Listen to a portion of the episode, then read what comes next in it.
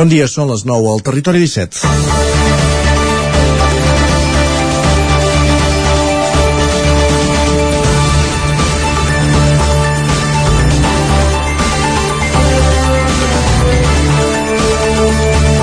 Avui és 17 de maig, el Dia Internacional contra la LGTBI-fòbia.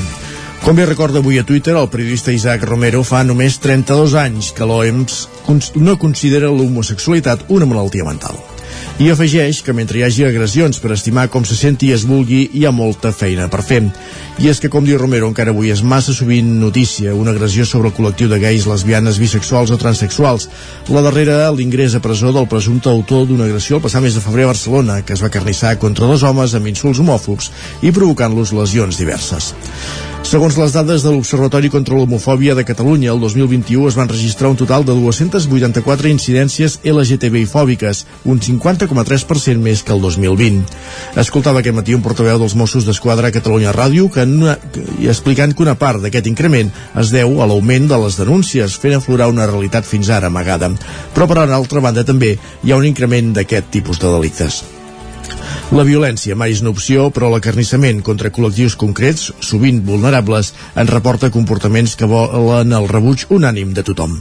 Cal continuar treballant perquè el fet que el reconeixement, el reconeixement de la condició sexual, no com a malaltia mental, sinó com a opció lliure, d'això va la llibertat, no d'anar a prendre canyes, encara sigui massa recent, però això sí tan sols una anècdota. És com dèiem, dimarts 17 de maig de 2022 comença el Territori 17 a la sintonia de la veu de Sant Joan, Ona Codinenca, Ràdio Cardedeu, Ràdio Vic, el 9 FM i el 9 TV. Territori 17, amb Isaac Moreno i Jordi Sunyer.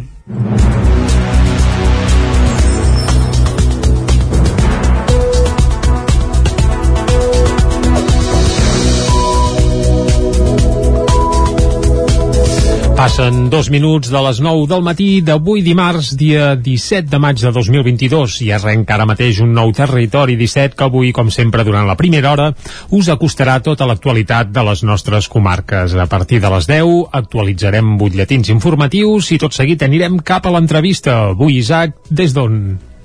Avui des de la veu de Sant Joan anirem al Ripollès per parlar de l'associació RIC, una entitat sense ànim de lucre que treballa per la prevenció dels abusos sexuals infantils i que es va fundar al febrer de 2017. Doncs coneixerem tots els detalls d'aquesta associació durant l'entrevista. Tot seguit, a dos quarts d'onze serà el moment de les piulades, de posar-hi una mica d'humor amb en Guillem Sánchez.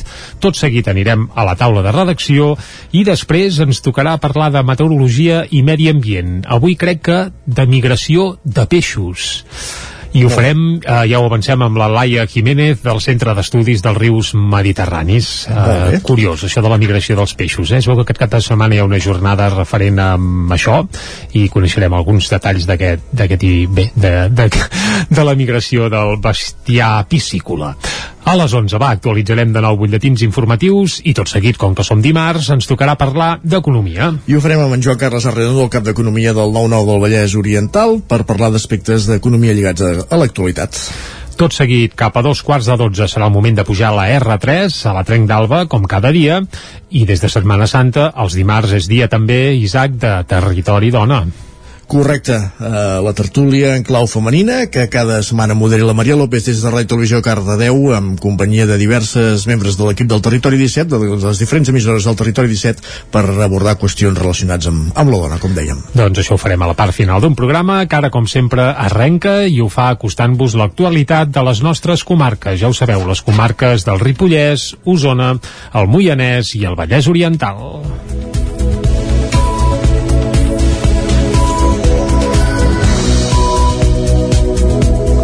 I comencem parlant de la sinistralitat a les carreteres, de l'increment de la sinistralitat a les carreteres aquest 2022, sobretot el mes d'abril, quan van morir 23 persones a les carreteres catalanes, cosa que ha portat el Servei Català de Trànsit i els Mossos d'Esquadra a posar en marxa un dispositiu d'emergència aquest mes de maig. Aquest cap de setmana hi ha hagut diversos accidents a Osona. Dissabte un ciclista va resultar ferit en caure per un barranc de 6 metres a Sant Bartomeu del Grau.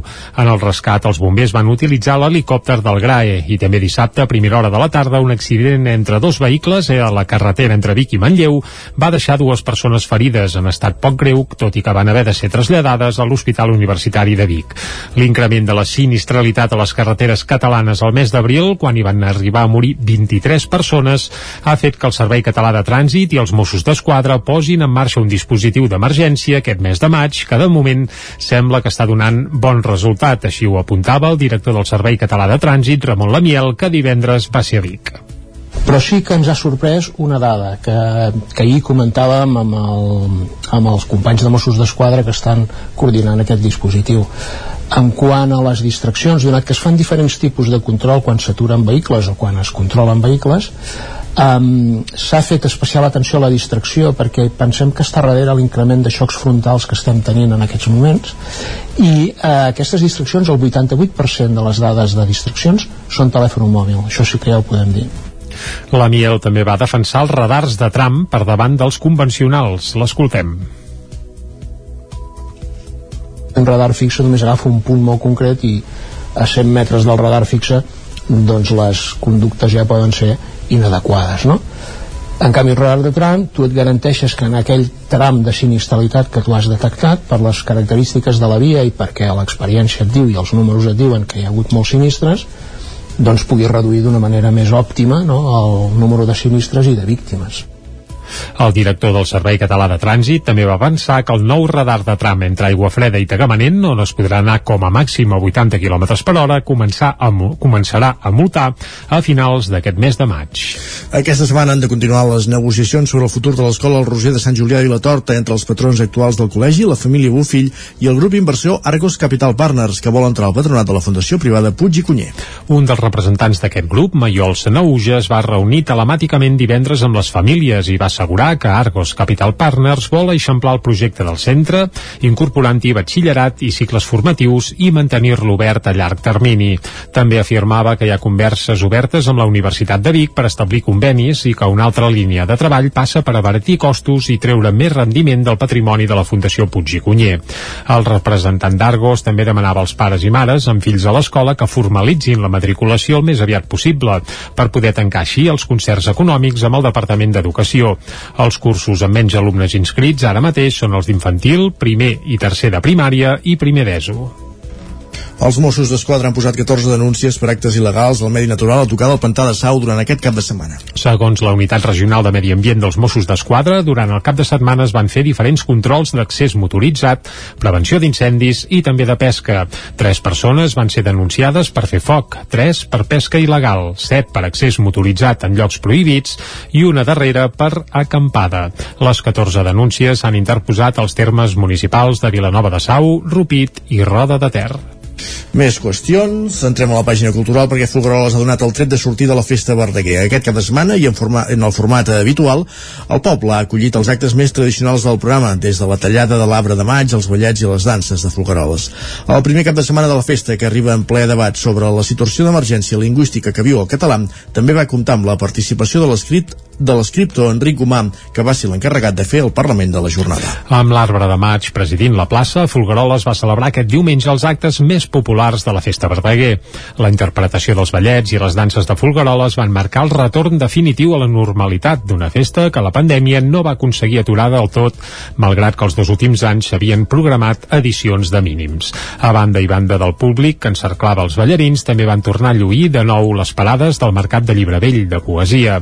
Escoltem per aquest ordre Jordina Boix, directora de la Fundació Jacint Verdaguer, i a Carme Torrents, regidora de Cultura de l'Ajuntament de Folgueroles. La Festa Verdaguer 2022 recupera l'espai central de la plaça, el Mercat de Llibre Vell, que l'any passat sí que hi era, però els ballets no es van poder fer davant del Padró, que és l'espai que, que, que, que els hi dona sentit, no? també aquest padró cobert de flors que porta la gent durant el matí i amb els ballets que ompliran, ompliran la plaça. Vull dir que els espais centrals tornen a ser aquests de corulls de gent. De la mateixa manera que la primavera torna, eh?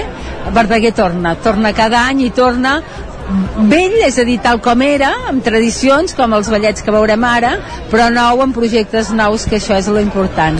Finalitzats els ballets, l'activitat es va traslladar als jardins de Can Dax, on l'escriptor Enric Gomà va protagonitzar el Parlament d'homenatge a Verdaguer. Gomà, que es va declarar verdegarià, va parlar del poeta com un home tenaç, ambiciós i talentós. Pel que fa a la situació d'emergència lingüística que viu el català, l'escriptor es va mostrar en contra del discurs derrotista que assegura s'ha acabat imposant. L'escoltem. De vegades trobo que hi ha una mena de derrotisme molt passiu i molt desesperat que no ens ajuda gaire, o no ens ajuda gens, per ser exactes. De manera que jo crec que el català té molts punts forts, que val la pena que ens siguem conscients i que val la pena que treballem adequadament. La bona notícia és que el govern actual n'és conscient i està posant els fonaments per a trobar solucions i mecanismes per avançar adequats. Jo estic molt esperançat amb el Pacte per la Llengua, molt, que segons sembla es firma per Nadal. El programa de la Festa Verdaguer es reprendrà dimecres amb una jornada de portes obertes a la Casa Museu Verdaguer, que coincidirà amb la celebració del Dia Internacional dels Museus. Pel cap de setmana vinent quedarà, entre d'altres, el Festival Literari Flors del Desvari i la Diada Verdaguer Excursionista. Més qüestions. Maria Nicolau va visitar aquest cap de setmana a Cardedeu amb el llibre Cuina Barbària. En el marc de la Fira de Sant Isidre, l'escriptora i cuinera va donar les bases de com cuinar bé i ser crítics amb la cuina que fem. Núria Lázaro, Ràdio Televisió, Cardedeu. Maria Nicolau és nascuda a la Garriga i té un currículum farcit de restaurants on hi ha treballat d'arreu de Catalunya, Espanya i França. Inicialment va començar a estudiar Sociologia i Ciències Polítiques, però abans del seu segon cicle es va llançar de cap a estudiar a una escola d'hostaleria. Per pagar els estudis treballava durant els caps de setmana i a l'estiu. Quan va aconseguir els primers títols, va deixar l'escola i va endinsar-se en el món laboral. Des de llavors ha treballat a establiments com la Font d'Europa i l'Hotel Vela i a restaurants de la Rioja i París. Actualment viu a Vilanova de Sau, a Osona, i és cap de cuina del restaurant El Ferrer del Tall. Aquest any ha publicat el llibre Cuina o Barbària, amb l'editorial Ara Llibres, tot i que dins del llibre hi podem trobar receptes. No es tracta d'un receptari, és un assaig culinari que reflexiona sobre com entendre la cuina, l'origen dels aliments, la ciència de la cocció i de fugir de la cuina ràpida per falta de temps. Maria Nicolau Colau. Sempre som els primers a no saber cuinar un pollastre. I clar, com que no tenim iaies, doncs mira, jo esperaré que m'ho solucioni el senyor que fabrica nuggets. Llavors què faig? Dono un amb 99 a una empresa que em ven uns nuggets ultraprocessats perquè m'és igual a mi la vida dels pollastres. Què m'importa el que cobri aquest treballador precari de merda? Mentre no sigui jo, tal i és. A mi no m'importa res. Jo el que no tinc temps per perdre cuinant que diuen que vol molt temps i és tot mentida. Maria Nicolau s'ha convertit en una cuinera mediàtica. El seu compte de Twitter acumula més de 15.000 seguidors i també la podem trobar als matins de Catalunya Ràdio i XS d'ICAT FM. Més qüestions al Cercle Artístic del Moianès comença la celebració del 50è Sketch Crawl del Moianès amb una exposició que recull dibuixos dels 10 pobles de la comarca. Ona Codinenca, Jordi Givert. Aquest diumenge la Casa de Cultura de l'Estany va inaugurar l'exposició amb la presència de diferents pintors de la comarca. Precisament l'Estany va acollir la primera trobada de pintura en grup a l'aire lliure l'any 2016. Des d'aleshores, l'activitat ha relat al Moianès amb una vuitantena d'aficionats a la pintura que cada mes fan una trobada en un poble de la comarca per pintar espais dels diferents municipis. Andreu Vilardell és el director del Cercle Artístic del Moianès. I el que és aquí, doncs, eh, ja hem preparat, doncs, per doncs, un conjunt de fotografies de, de diferents moments de, de la gent dibuixant i, i el que és també de la, la famosa foto que fem una foto sempre que ens trobem de, dels, de les diferents trobades i després doncs tenim un plafó per cada poble del Moianès on es veuen doncs, diferents racons immortalitzats en petits dibuixos d'esquetx per diferent gent. Durant els mesos de maig i juny, coincidint amb l'exposició, es faran diferents activitats a l'estany relacionades amb l'Sketchcrawl. El pròxim 4 de juny celebraran l'activitat més esperada, el 50è Sketchcrawl del Moianès. Es presenta el Festival Microclima de Camprodon amb els pets Ramon Miravet i Pau Alabajos com a cap de cartell.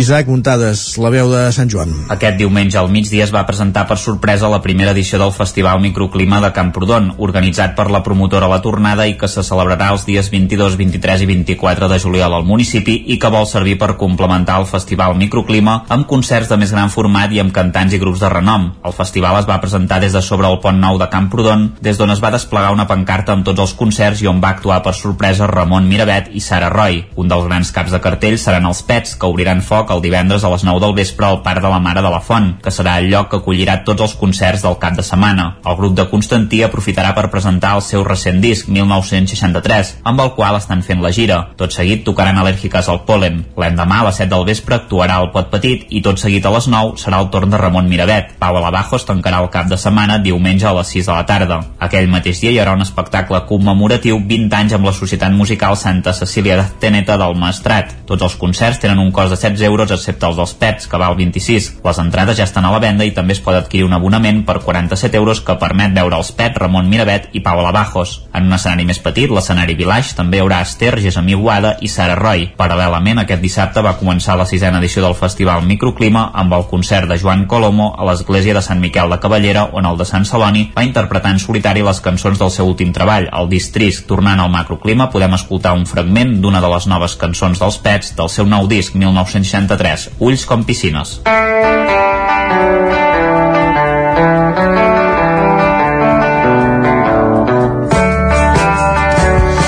Doncs amb l'inici de la cançó dels Pets continuem aquest relat informatiu. Roda de Ter ha consolidat aquest cap de setmana el Festival Encanta que ha assolit amb èxit la seva cinquena edició.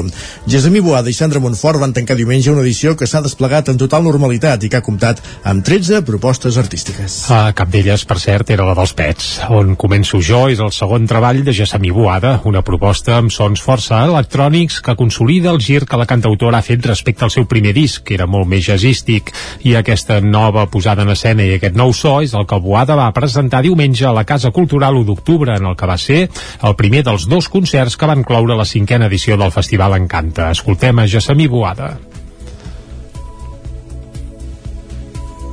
Disc era més, eh, més jazz, um, més en anglès també, i aquest disc he jugat més amb el castellà, amb el català, m'ho he passat molt bé. Al final, eh, com a persones també evolucionem i tenia ganes de provar coses diferents, hem jugat molt amb la producció, amb el Kimi Sagi, hem incorporat sons de samplers que avui, avui sentirem, um, hi ha molts teclats, hi ha moltes capes de moltes coses, i de fet ara estic començant amb la producció del tercer disc i serà una altra cosa.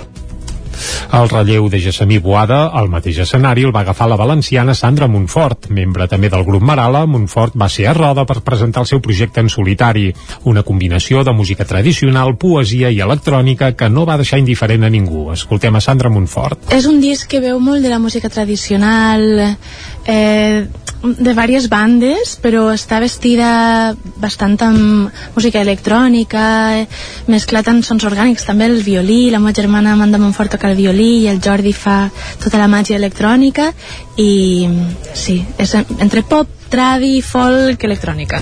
Des de l'Ajuntament de Roda, el regidor de Cultura, Roger Canadell, celebrava la bona acollida de la cinquena edició del festival i parlava ja de la consolidació definitiva de l'Encanta. L'escoltem. I la veritat que, doncs, com hem dit altres vegades, que s'ha consolidat plenament aquest festival a Roda, el mes de maig, festival de primavera, que, que aquest any ha sigut, podem dir, el retorn a la normalitat amb un èxit absolut, tant per nombre de gent com per com per qualitat dels espectacles, la veritat és que hem de dir que estem molt contents. De dijous a diumenge el festival ha desplegat 13 propostes musicals arreu del municipi. Un dels concerts que va acollir més públic va ser el del Petit de Cal Ariel, que es va fer dissabte i que va omplir l'escenari del Museu de l'Esquerda.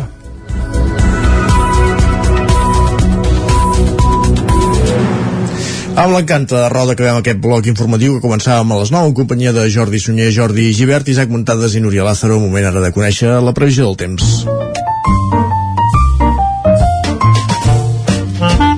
Casa Terradellos us ofereix el temps. Una previsió que ens porta cada dia en Pep Acosta, qui ja saludem ara mateix. Molt bon dia, Pep. Hola, molt bon dia. I molt bona hora. Benvinguts a la informació meteorològica. Gràcies, gràcies. Un temps que comença a ser una mica ja d'escàndol. Eh, tenim aquesta bombolla d'aire africà eh, ben bé a sobre nostra que ens va afectant. Avui mínimes eh, molt altes eh, la majoria de mínimes per sobre els 15 graus. Només han baixat dels 10 graus a zones de, del Pirineu. I atenció perquè tenim un matalàs d'aire càlid es comença a intensificar el matalàs d'aire càlid uh -huh. uh, a una alçada mitjana entre, entre els uh, 1.000-1.500 metres i comença a haver aquest matalàs d'aire càlid que, que, que s'accentuarà els pròxims dies i és que estem parlant d'una situació que comença a ser bastant excepcional eh? jo estic eh, preocupat eh, és una situació molt preocupant. Eh, a més hi ha molta sequera a les nostres comarques. És un dels llocs de, de Catalunya on hi ha més sequera acumulada.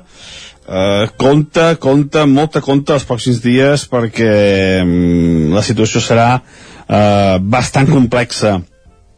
Avui eh, això com deia els mínimes ja han pujat, s'estan disparant i és que el sol terrestre es va escalfant eh, a més com deia aquest matalàs a 1.500 metres aquest matalàs d'aire càlid mm, la situació comença a ser bastant bastant, bastant excepcional. El dia d'avui serà un dia molt tranquil eh, les temperatures poden encara més altes que les d'ahir màximes entre els 28 i els 31, 32 graus, disparadíssimes, alguna nuvolada a la tarda, amb molt poca conseqüència, mm, i, i, i cap canvis, que no, no, no es veuen canvis per enlloc, aquest embussament calent, aquest embussament aire càlid, es anirà consolidant, i eh, espero que els mapes s'equivoquin o, o tinguem un cap de setmana de, de, de, de plena onada de calor com si estiguéssim al mes de juliol o d'agost, eh? atenció les temperatures que hi pot aquest cap de setmana que serien un, una autèntica animalada, una autèntica animalada que la, la que hi pot haver aquest cap de setmana les temperatures. Uh, i això és tot. Uh, no, no hi ha gaire més cosa a dir. Eh, situació anòmala, situació completament desbocada i que, i que va per llarg, eh? n'hi ha per dies d'aquestes temperatures, d'aquest ambient tan càlid i d'aquesta tranquil·litat sense cap tempesta i cap moviment important meteorològic a nostre. Només aquesta calorada que es va consolidant d'aquesta agrupada de vent de sud, d'aquesta agrupada eh, africana que tenim a sobre nostra. Adeu! Fins ara. Adéu, adéu. Ostres, doncs ens pinta un panorama gens esperançador, Eixut. Pep, eh? Eixut, eixut i calorós, per què no dir-ho? Doncs amb aquest panorama anirem cap al quiosc. Som-hi, va. Casa Tarradellas us ha ofert aquest espai.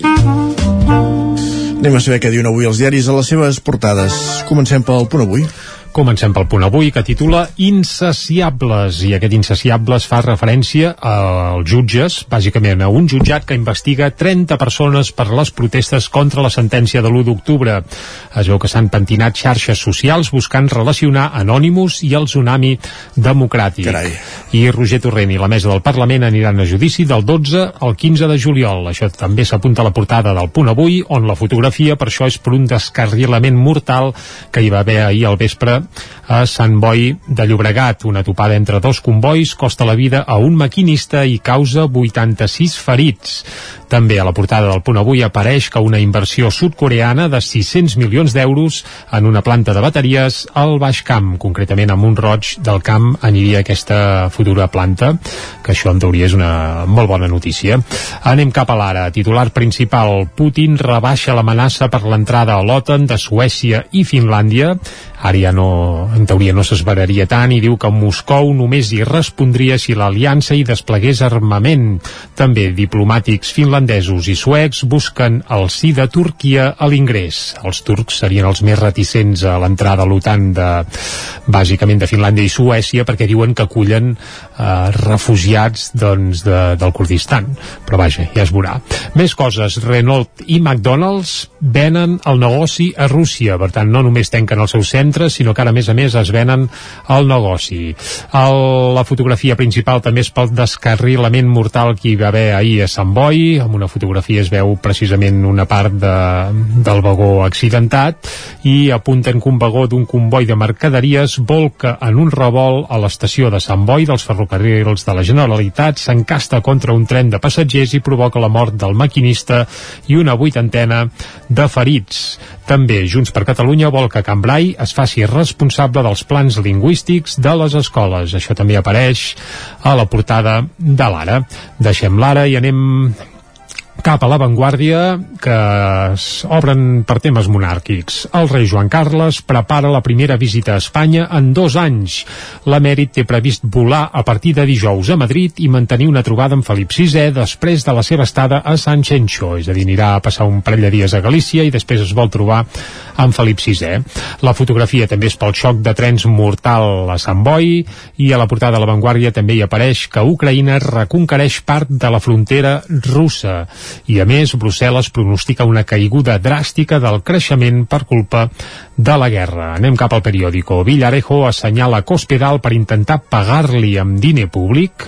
Això fa referència als contactes per tapar la caixa B del Partit Popular. Les converses que van sortir ahir, que va destapar ahir el país, sí. Correcte, la fotografia també és per la col·lisió mortal a Sant Boi. Un maquinista mor al descarrilar un vagó de mercaderies que es va incrustar contra el tren de passatgers que anava de Barcelona a Igualada.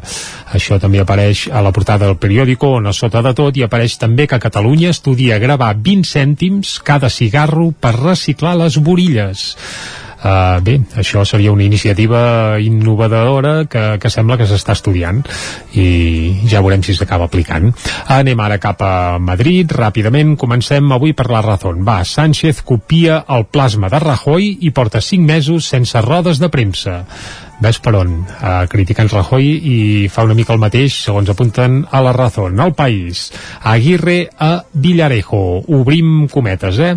La clau és que no demanis diligències. Uh, les escoltes, doncs apareix això a la portada del, del País. També Macron dona un gir amb una primera ministra social-demòcrata que va, bé, la van escollir ahir. Anem ara cap a l'ABC, que diu uh, la comunitat econòmica bé, el Consell d'Europa abaixa les seves previsions i deixa Espanya a la cua de la recuperació. Això segons l'ABC i també la fotografia és per la reobertura de les fronteres de Ceuta i Melilla després de dos anys i també diuen i després del gir de Sánchez. Això també apareix a la portada de l'ABC, és a dir, reobren les fronteres de Ceuta i Melilla mm, perquè Sánchez doncs això ha fet un, un gir amb la seva política en aquest indret. I acabem amb El Mundo. Dues veus clau d'Europa alerten sobre l'equilibri dels comptes públics. I Espanya a l'ull de l'huracà. I nosaltres que fem una pausa i tornem d'aquí 3 minutets.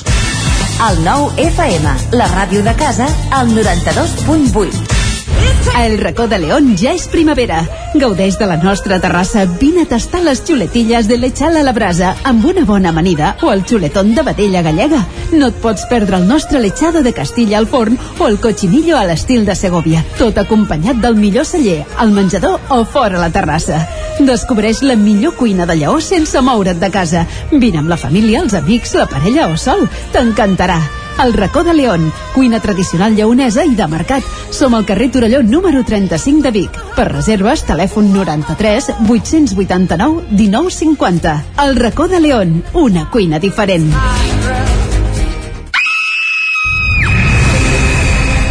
Sherlock Holmes ha mort i Watson necessita la vostra ajuda per tornar enrere en el temps i trobar el punt exacte per salvar-lo del parany de Moriarty. Posa't en la pell del detectiu britànic i resol tots els enigmes en menys de 60 minuts per poder escapar. Elementary Escape Room de Vic, una aventura per a tota la família. Fes la teva reserva per WhatsApp amb el codi La Ràdio de Sherlock i aconseguiràs un 10% de descompte. Ens trobaràs de dijous a diumenge al carrer de la Fusina 22 de Vic per telèfon i WhatsApp al 622 85 54 17 o elementary.cat. El 28 de maig vine a viure el Dia Internacional de la Ceràmica al Keràmic, la festa d'experiència en fang de Sant Julià de Vilatorta. Des de les 10 del matí fins al migdia experimenta en fang amb tallers infantils i per adults i a la tarda participa al Torneja't amb una masterclass de Jan Madrenes o apunta't a les visites guiades. També hi trobaràs mercats, exposicions, concursos de pintura i sketch crawl, un espai de food trucks o la trobada d'autocaravanes. Més informació a keramic.cat. Cobertes serveis funeraris. Els nostres tanatoris estan ubicats en els nuclis urbans més poblats de la comarca d'Osona per oferir un millor servei. Tanatori de Vic, Tanatori de Manlleu, Tanatori de Centelles i Tanatori de Roda de Ter. Sabem que són moments difícils i per això el nostre compromís és atendre-us en tot moment amb un tracte humà, sensible i respectuós. Cobertes serveis funeraris. Telèfon 24 hores 93 883 23 46.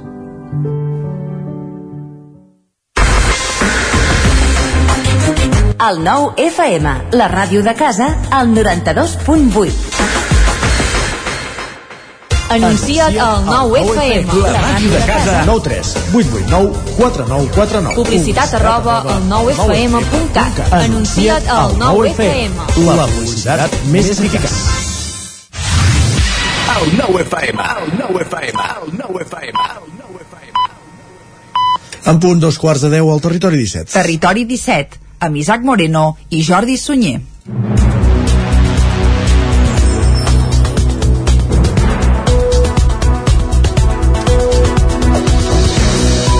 Doncs vinga, seguim en directe aquí a Territori 17, quan són dos quarts de deu en punt d'avui dimarts, dia 17 de maig de 2022. I de seguida el que farem és acostar-vos de nou tota l'actualitat de les nostres comarques, però abans ja us avancem tot el que farem des d'ara i fins al punt de les 12 del migdia, una mica abans de les 10, i posarem música, com cada dia, i avui ho farem amb una veu del Ripollès però això sí, amb arrels també el Moianès, perquè Carai. va néixer a Santa Maria d'Oló, tot i que des dels 6 o 7 anys viu a Ripoll, és una cantautora que està a punt de treure el seu segon disc i avui no expliquem res més, però escoltarem una de les peces que hi haurà en aquest uh, nou treball. Uh, és del Ripollès, però té un nom molt mariner, eh?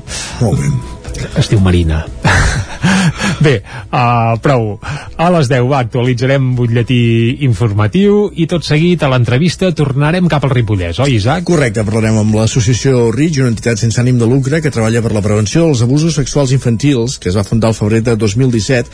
La feina de prevenció dut a terme per sis professionals i per diverses persones que hi col·laboren de forma altruista s'ha fet sobretot al Ripollès i a Girona. De fet, d'aquesta feina en parlarem, com dèiem, a l'entrevista a partir d'un quart d'onze des de la veu de Sant Joan amb l'Isaac Muntades eh, aquí, al territori 17. Tot seguit, cap a dos quarts d'onze serà el moment de les piulades amb Guillem Sánchez, passarem després per la taula de redacció i abans de les 11 ens tocarà parlar de migració de peixos, Isaac. Amb la Laia Jiménez del Centre d'Estudis dels Rius Mediterranis, que parlarem d'una de les sortides naturalistes previstes per aquests dies per parlar d'això, per veure el moviment dels peixos als rius, que també es mouen. Nosaltres els veiem quan passem pel riu, però ells també busquen aigües càlides, més fredes, en funció de la temperatura de, del moment de l'any, també. Bé, l'important és que n'hi hagi, perquè fa uns anys a molts rius de peixos també doncs, eh, pràcticament eh, s'hi havien extingit. També és un baròmetre de l'estat del riu. Ah, exacte. A les 11 va, seguirem i actualitzarem de nou els butlletins informatius i tot seguit cap a un quart de 12, com cada dimarts, haurem de parlar d'economia amb en Joan Carles Arredondo. Al cap d'economia del 9-9 del Vallès Oriental tocarem aspectes de l'economia lligats a l'actualitat.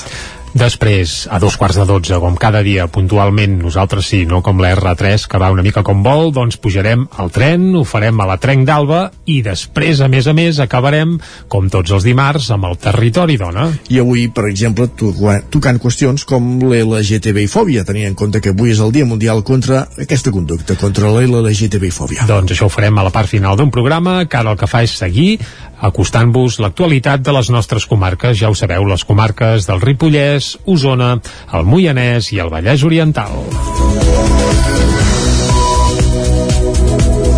I comencem parlant de la sinistralitat a les carreteres, de l'increment de la sinistralitat a les carreteres aquest 2022, sobretot el mes d'abril, quan van morir 23 persones a les carreteres catalanes, cosa que ha portat el Servei Català de Trànsit i els Mossos d'Esquadra a posar en marxa un dispositiu d'emergència aquest mes de maig.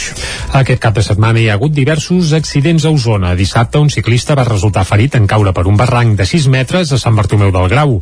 En el rescat, els bombers van utilitzar l'helicòpter del GRAE i també dissabte, a primera hora de la tarda, un accident entre dos vehicles vehicles a la carretera entre Vic i Manlleu va deixar dues persones ferides en estat poc greu, tot i que van haver de ser traslladades a l'Hospital Universitari de Vic.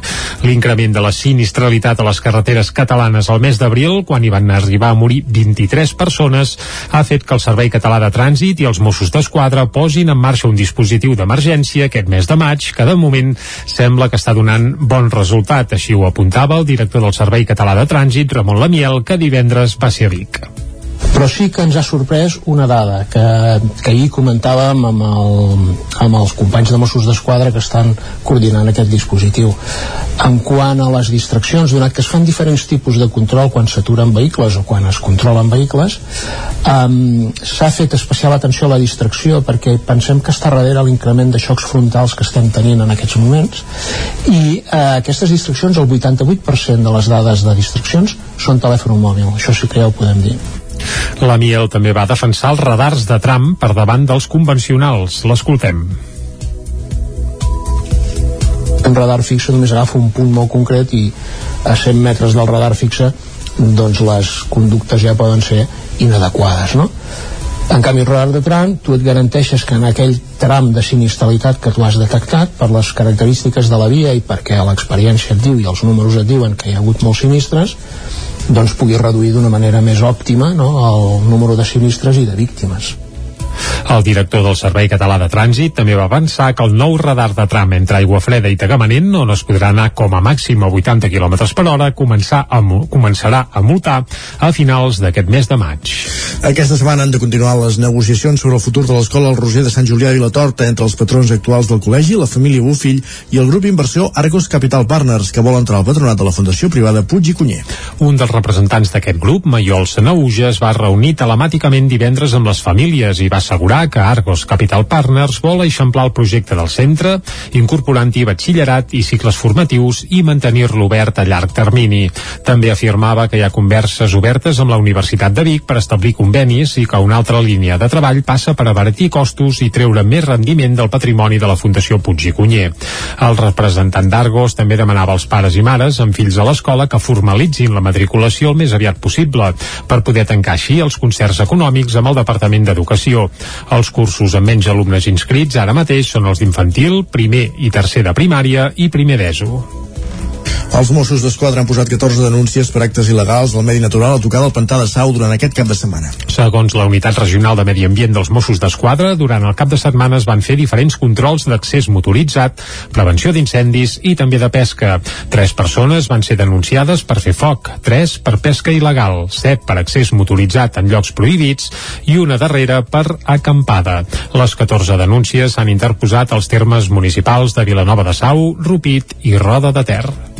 Més qüestions, entrem a la pàgina cultural perquè Folgueroles ha donat el tret de sortir de la festa Verdaguer. Aquest cap de setmana i en, forma, en el format habitual, el poble ha acollit els actes més tradicionals del programa, des de la tallada de l'arbre de maig, els ballets i les danses de Folgueroles. El primer cap de setmana de la festa, que arriba en ple debat sobre la situació d'emergència lingüística que viu el català, també va comptar amb la participació de l'escrit de l'escriptor Enric Gomà, que va ser l'encarregat de fer el Parlament de la jornada. Amb l'arbre de maig presidint la plaça, Folgueroles va celebrar aquest diumenge els actes més populars de la Festa Verdaguer. La interpretació dels ballets i les danses de Folgueroles van marcar el retorn definitiu a la normalitat d'una festa que la pandèmia no va aconseguir aturar del tot, malgrat que els dos últims anys s'havien programat edicions de mínims. A banda i banda del públic que encerclava els ballarins, també van tornar a lluir de nou les parades del Mercat de Llibre Vell de poesia. Escoltem Saludem per aquest ordre a Jordina Boix, directora de la Fundació Jacint Verdaguer, i a Carme Torrents, regidora de Cultura de l'Ajuntament de Folgueroles. La Festa Verdaguer 2022 recupera l'espai central de la plaça, el Mercat de Llibre Vell, que l'any passat sí que hi era, però els ballets no es van poder fer davant del Padró, que és l'espai que, que, que, que els hi dona sentit, no? també aquest padró cobert de flors que porta la gent durant el matí i amb els ballets que ompliran, ompliran la plaça. Vull dir que els espais centrals tornen a ser aquests de corulls de gent. De la mateixa manera que la primavera torna, eh? Verdaguer torna, torna cada any i torna vell, és a dir, tal com era, amb tradicions, com els ballets que veurem ara, però nou amb projectes nous, que això és lo important. Finalitzats els ballets, l'activitat es va traslladar als jardins de Candacs, on l'escriptor Enric Gomà va protagonitzar el Parlament d'homenatge a Verdaguer. Gomà, que es va declarar verdegarià, va parlar del poeta com un home tenaç, ambiciós i talentós. Pel que fa a la situació d'emergència lingüística que viu el català, l'escriptor es va mostrar en contra del discurs derrotista que assegura s'ha acabat imposant. L'escoltem. De vegades trobo que hi ha una mena de derrotisme molt passiu i molt desesperat que no ens ajuda gaire, o no ens ajuda gens, per ser exactes. De manera que jo crec que el català té molts punts forts, que val la pena que ens siguem conscients i que val la pena que treballem adequadament. La bona notícia és que el govern actual n'és conscient i està posant els fonaments per a trobar solucions i mecanismes per avançar adequats. Jo estic molt esperançat amb el Pacte per la Llengua, molt, que segons sembla es firma per Nadal. El programa de la Festa Verdaguer es reprendrà dimecres amb una jornada de portes obertes a la Casa Museu Verdaguer, que coincidirà amb la celebració del Dia Internacional dels Museus. Pel cap de setmana vinent quedarà, entre d'altres, el Festival Literari Flors del Desvari i la Diada Verdaguer Excursionista. Més qüestions. Maria Nicolau va visitar aquest cap de setmana a Cardedeu amb el llibre Cuina o Barbària. En el marc de la Fira de Sant Isidre, l'escriptora i cuinera va donar les bases de com cuinar bé i ser crítics amb la cuina que fem. Núria Lázaro, Ràdio Televisió, Cardedeu. Maria Nicolau és nascuda a la Garriga i té un currículum farcit de restaurants on hi ha treballat d'arreu de Catalunya, Espanya i França. Inicialment va començar a estudiar Sociologia i Ciències Polítiques, però abans del seu segon cicle es va llançar de cap a estudiar una escola d'hostaleria. Per pagar els estudis treballava durant els caps de setmana i a l'estiu. Quan va aconseguir els primers títols, va deixar l'escola i va endinsar-se en el món laboral. Des de llavors ha treballat a establiments com la Font d'Europa i l'Hotel Vela i a restaurants de la Rioja i París. Actualment viu a Vilanova de Sau, a Osona, i és cap de cuina del restaurant El Ferrer del Tall. Aquest any ha publicat el llibre Cuina o Barbària, amb l'editorial Ara Llibres, tot i que dins del llibre hi podem trobar receptes. No es tracta d'un receptari, és un assaig culinari que reflexiona sobre com entendre la cuina, l'origen dels aliments, la ciència de la cocció i de fugir de la cuina ràpida per falta de temps. Maria Nicolau Colau. Sempre som els primers a no saber cuinar un pollastre. I clar, com que no tenim iaies, doncs mira, jo esperaré que m'ho solucioni el senyor que fabrica nuggets. Llavors què faig? Dono un al 99 en una empresa que em ven uns nuggets ultraprocessats perquè m'és igual a mi la vida dels pollastres. Què m'importa el que cobri aquest treballador precari de merda? Mentre no sigui jo, tal dia és. A mi no m'importa res. Jo el que no tinc és temps per perdre cuinant que diuen que vol molt temps. I és tot mentida. Maria Nicolau s'ha convertit en una cuinera mediàtica. El seu compte de Twitter acumula més de 15.000 seguidors i també la podem trobar als matins de Catalunya Ràdio i XS d'ICAT FM. Més qüestions al Cercle Artístic del Moianès. Comença la celebració del 50è Sketch Crawl del Moianès amb una exposició que recull dibuixos dels 10 pobles de la comarca. Ona Codinenca, Jordi Givert. Aquest diumenge a la Casa de Cultura de l'Estany va inaugurar l'exposició amb la presència de diferents pintors de la comarca. Precisament l'Estany va acollir la primera trobada de pintura en grup a l'aire lliure l'any 2016. Des d'aleshores, l'activitat ha relat al Moianès, amb una vuitantena d'aficionats a la pintura que cada mes fan una trobada en un poble de la comarca per pintar espais dels diferents municipis. Andreu Vilardell és el director del Cercle Artístic del Moianès. I el que és aquí, doncs, eh, ja hem preparat de, doncs, un conjunt de fotografies de, de diferents moments de, de la gent dibuixant i, i és també de la, la famosa foto que fem una foto sempre que ens trobem eh, dels, de les diferents trobades i després doncs tenim un plafó per cada poble del Moianès on es veuen doncs, diferents racons immortalitzats en petits dibuixos d'esquetx per diferents gent. Durant els mesos de maig i juny, coincidint amb l'exposició, es faran diferents activitats a l'estany relacionades amb l'Sketch Crawl. El pròxim 4 de juny celebraran l'activitat més esperada, el 50è Sketch Crawl del Moianès. Es presenta el Festival Microclima de Camprodon amb els pets Ramon Miravet i Pau Alabajos com a cap de cartell. Isaac Muntades, la veu de Sant Joan. Aquest diumenge al migdia es va presentar per sorpresa la primera edició del Festival Microclima de Camprodon, organitzat per la promotora La Tornada i que se celebrarà els dies 22, 23 i 24 de juliol al municipi i que vol servir per complementar el Festival Microclima amb concerts de més gran format i amb cantants i grups de renom. El festival es va presentar des de sobre el Pont Nou de Camprodon, des d'on es va desplegar una pancarta amb tots els concerts concerts i on va actuar per sorpresa Ramon Miravet i Sara Roy. Un dels grans caps de cartell seran els Pets, que obriran foc el divendres a les 9 del vespre al Parc de la Mare de la Font, que serà el lloc que acollirà tots els concerts del cap de setmana. El grup de Constantí aprofitarà per presentar el seu recent disc, 1963, amb el qual estan fent la gira. Tot seguit tocaran al·lèrgiques al polen. L'endemà, a les 7 del vespre, actuarà al Pot Petit i tot seguit a les 9 serà el torn de Ramon Miravet. Pau Alabajos tancarà el cap de setmana diumenge a les 6 de la tarda. Aquell mateix dia hi haurà un espectacle commemoratiu commemoratiu 20 anys amb la Societat Musical Santa Cecília de Teneta del Maestrat. Tots els concerts tenen un cost de 16 euros excepte els dels pets, que val 26. Les entrades ja estan a la venda i també es pot adquirir un abonament per 47 euros que permet veure els pets Ramon Miravet i Pau Alabajos. En un escenari més petit, l'escenari Village, també hi haurà Esther, Gessamí Guada i Sara Roy. Paral·lelament, aquest dissabte va començar la sisena edició del Festival Microclima amb el concert de Joan Colomo a l'església de Sant Miquel de Cavallera, on el de Sant Celoni va interpretar en solitari les cançons del seu últim treball, el disc tornant al macroclima, podem escoltar un fragment d'una de les noves cançons dels Pets del seu nou disc 1963, Ulls com piscines.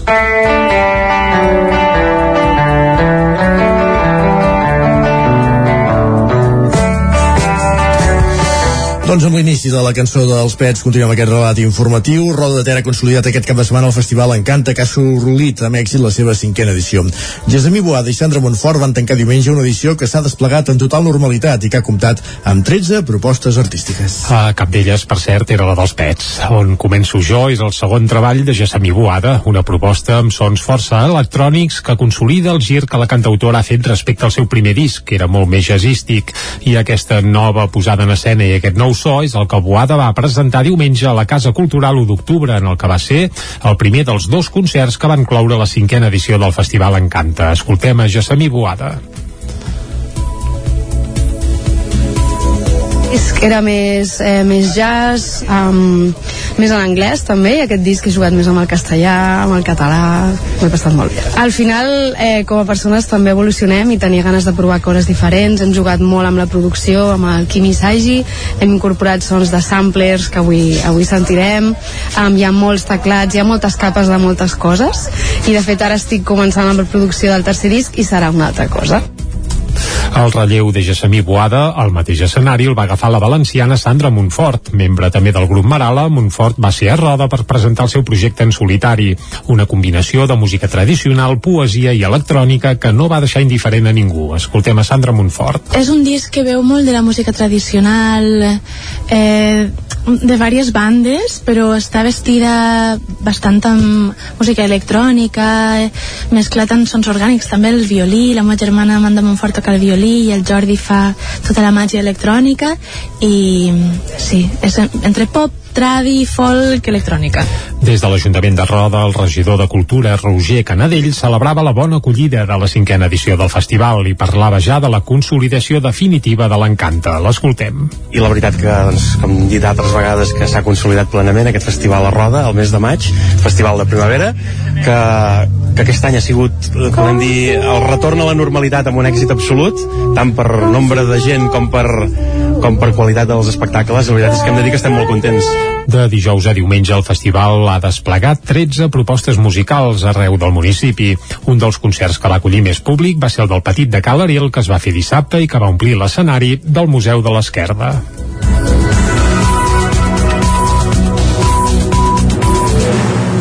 Amb l'encanta de roda que veiem aquest bloc informatiu que començàvem a les 9 en companyia de Jordi Sunyer, Jordi Givert, Isaac Montades i Núria Lázaro. Moment ara de conèixer la previsió del temps.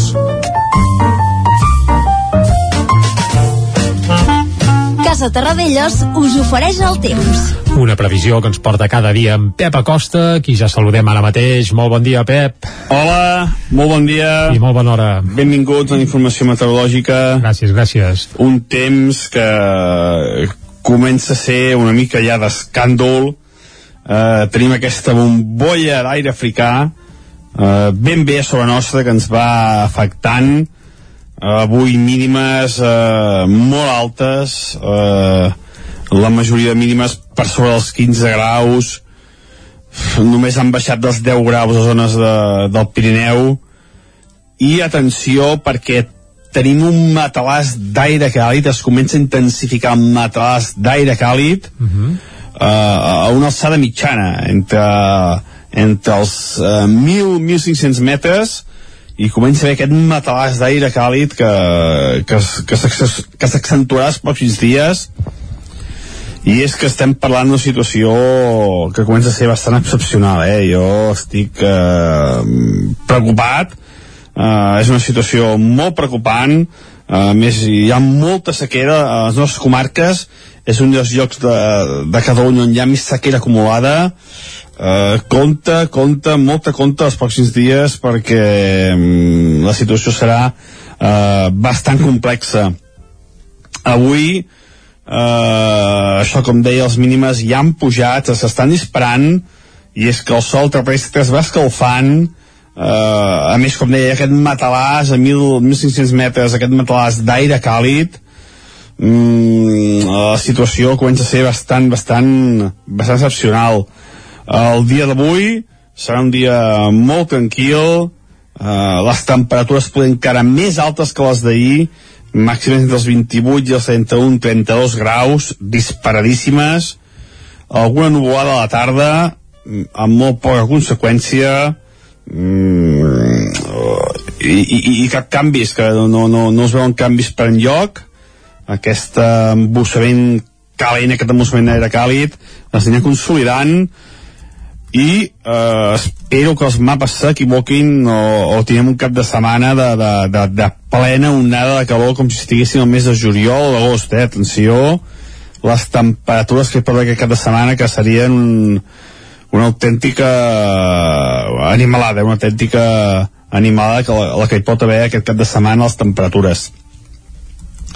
Uh, I això és tot, uh, no, no hi ha gaire més cosa a dir, uh, situació anòmala, situació completament desbocada, i que, i que va per llarg, eh? N'hi ha per dies d'aquestes temperatures, d'aquest ambient tan càlid i d'aquesta tranquil·litat sense cap tempesta i cap moviment important meteorològic nostre. Només aquesta calorada que es va consolidant d'aquesta agrupada vent de sud, d'aquesta agrupada eh, africana que tenim a sobre nostra.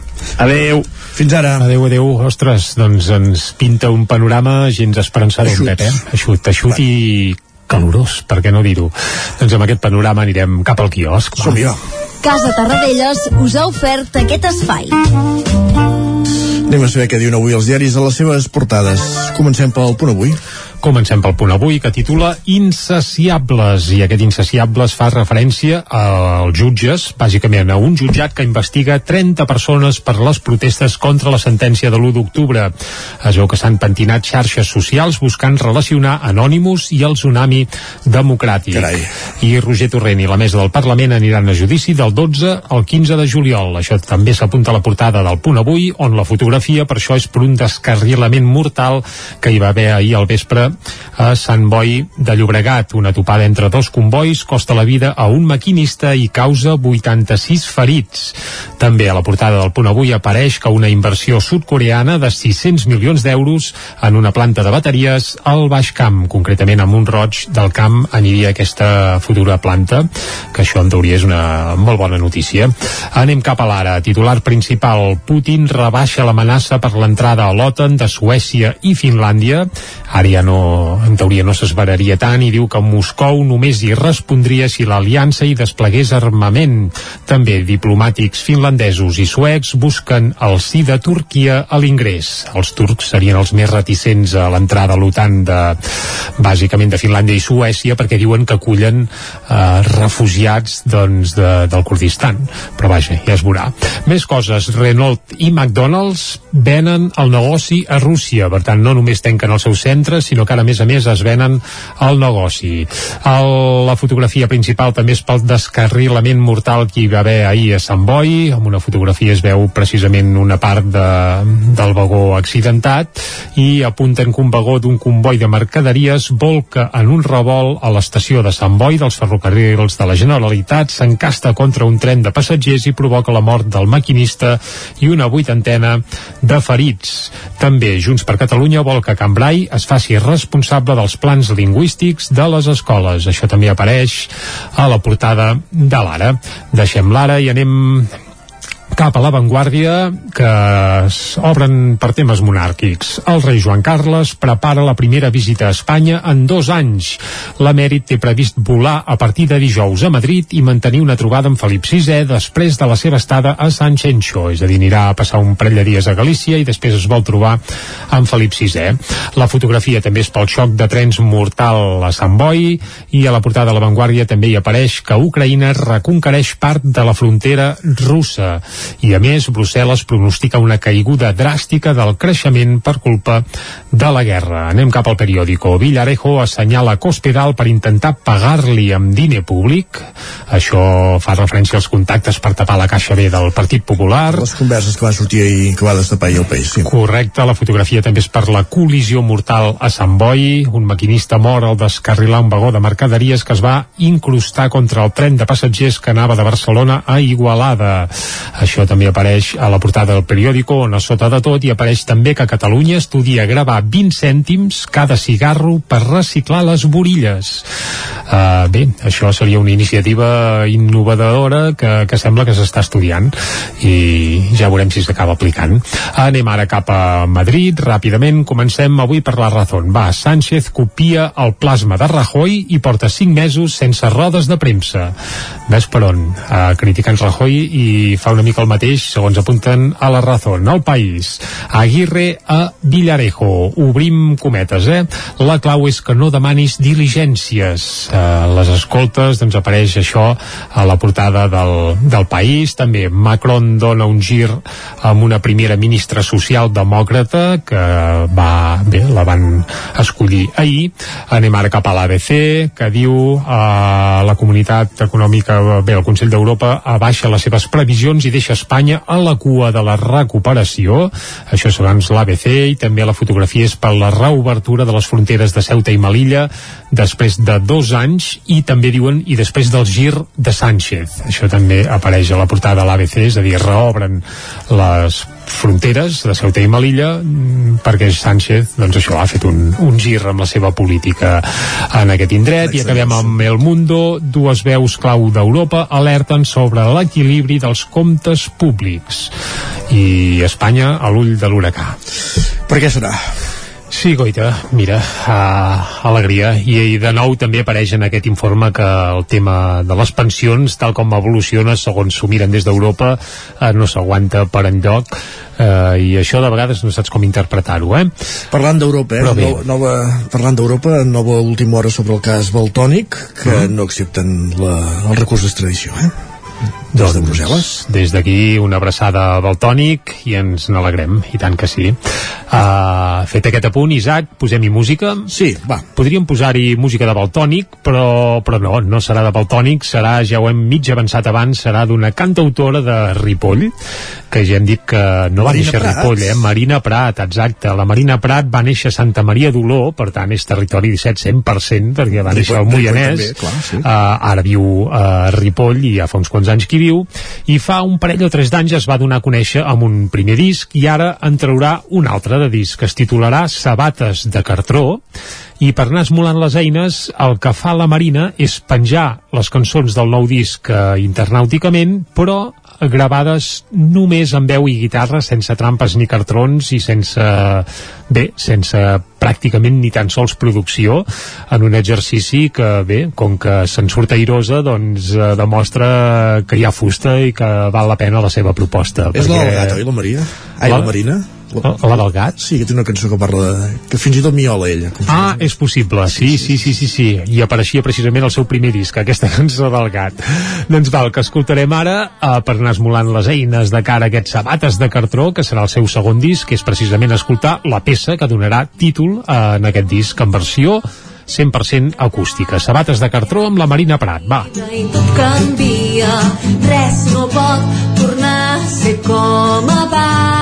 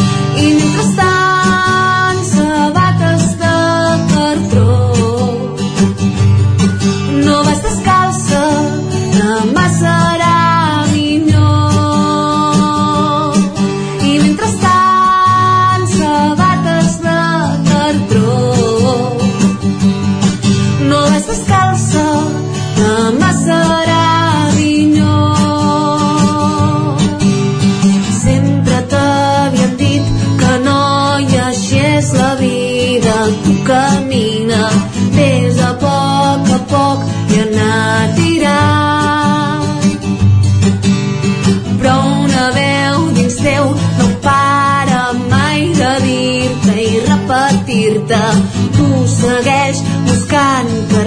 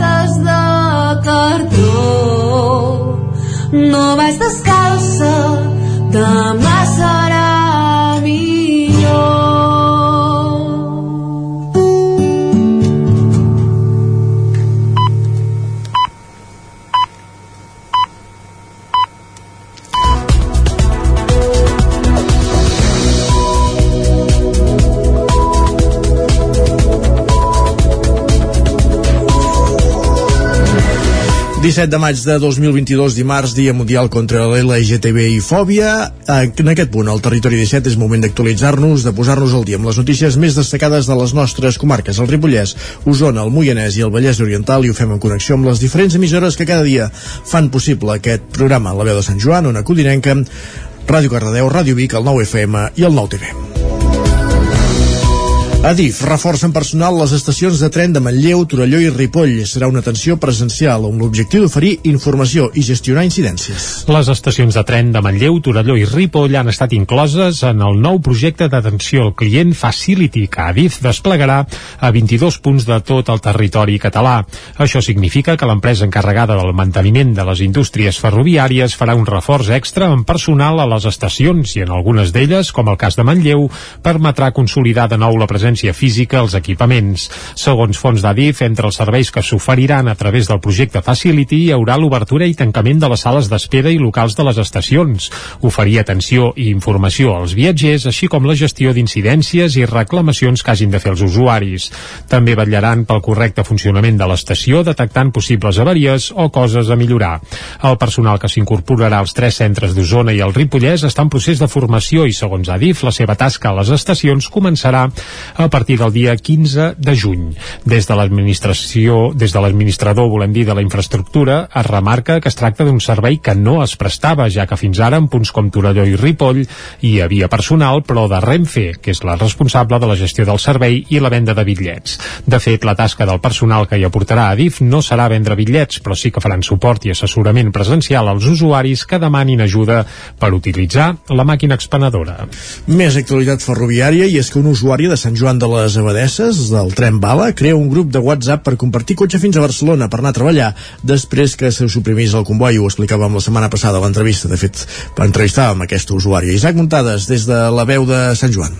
La supressió de l'anomenat tren bala, el comboi que sortia de Ripoll a dos quarts de sis del matí per anar fins a Barcelona i de la capital catalana al Ripollès a dos quarts de set de la tarda sense fer pràcticament parades, que s'ha eliminat per la reestructuració dels horaris a causa de les obres que s'estan fent a la línia R3 de Rodalies, ha perjudicat severament els habitants del Ripollès que baixen a treballar a Barcelona. Aquest és el cas de la Sant Joanina Laia Capdevila, que treballa a l'Institut Català de Finances. Cada matí agafava el tren bala o anava amb els autobusos de la Teixa fins a Barcelona, per arribar-hi cap a tres quarts de nou del matí, i a la tarda tarda sempre tornava amb el tren bala per arribar a les 8 a Ripoll. De tenir un trajecte d'entre una hora i 40 minuts a una hora i 50 minuts, Cap de Vila es va trobar que tardava entre dues hores i quart i dues hores i mitja, i alguns dies fins a 3 hores pels retards. Viure a Sant Joan i treballar a Barcelona es va tornar insostenible. Una de les alternatives que va provar va ser baixar en cotxe fins a Vic, agafar l'autobús allà fins a la Sagrera i d'allà en bicicleta. A la tornada va anar en tren fins a Vic per agafar el cotxe per tornar al Ripollès. Abans, Cap de Vila teletreballava per la Covid, però al desembre ja havia de baixar dos dies a l'oficina i ara ja en són tres des de fa unes setmanes. Per tal de no perdre tant de temps amb el transport públic i estalviar, va tenir una idea. La iniciativa aquesta de crear aquest grup de WhatsApp va sortir una mica de...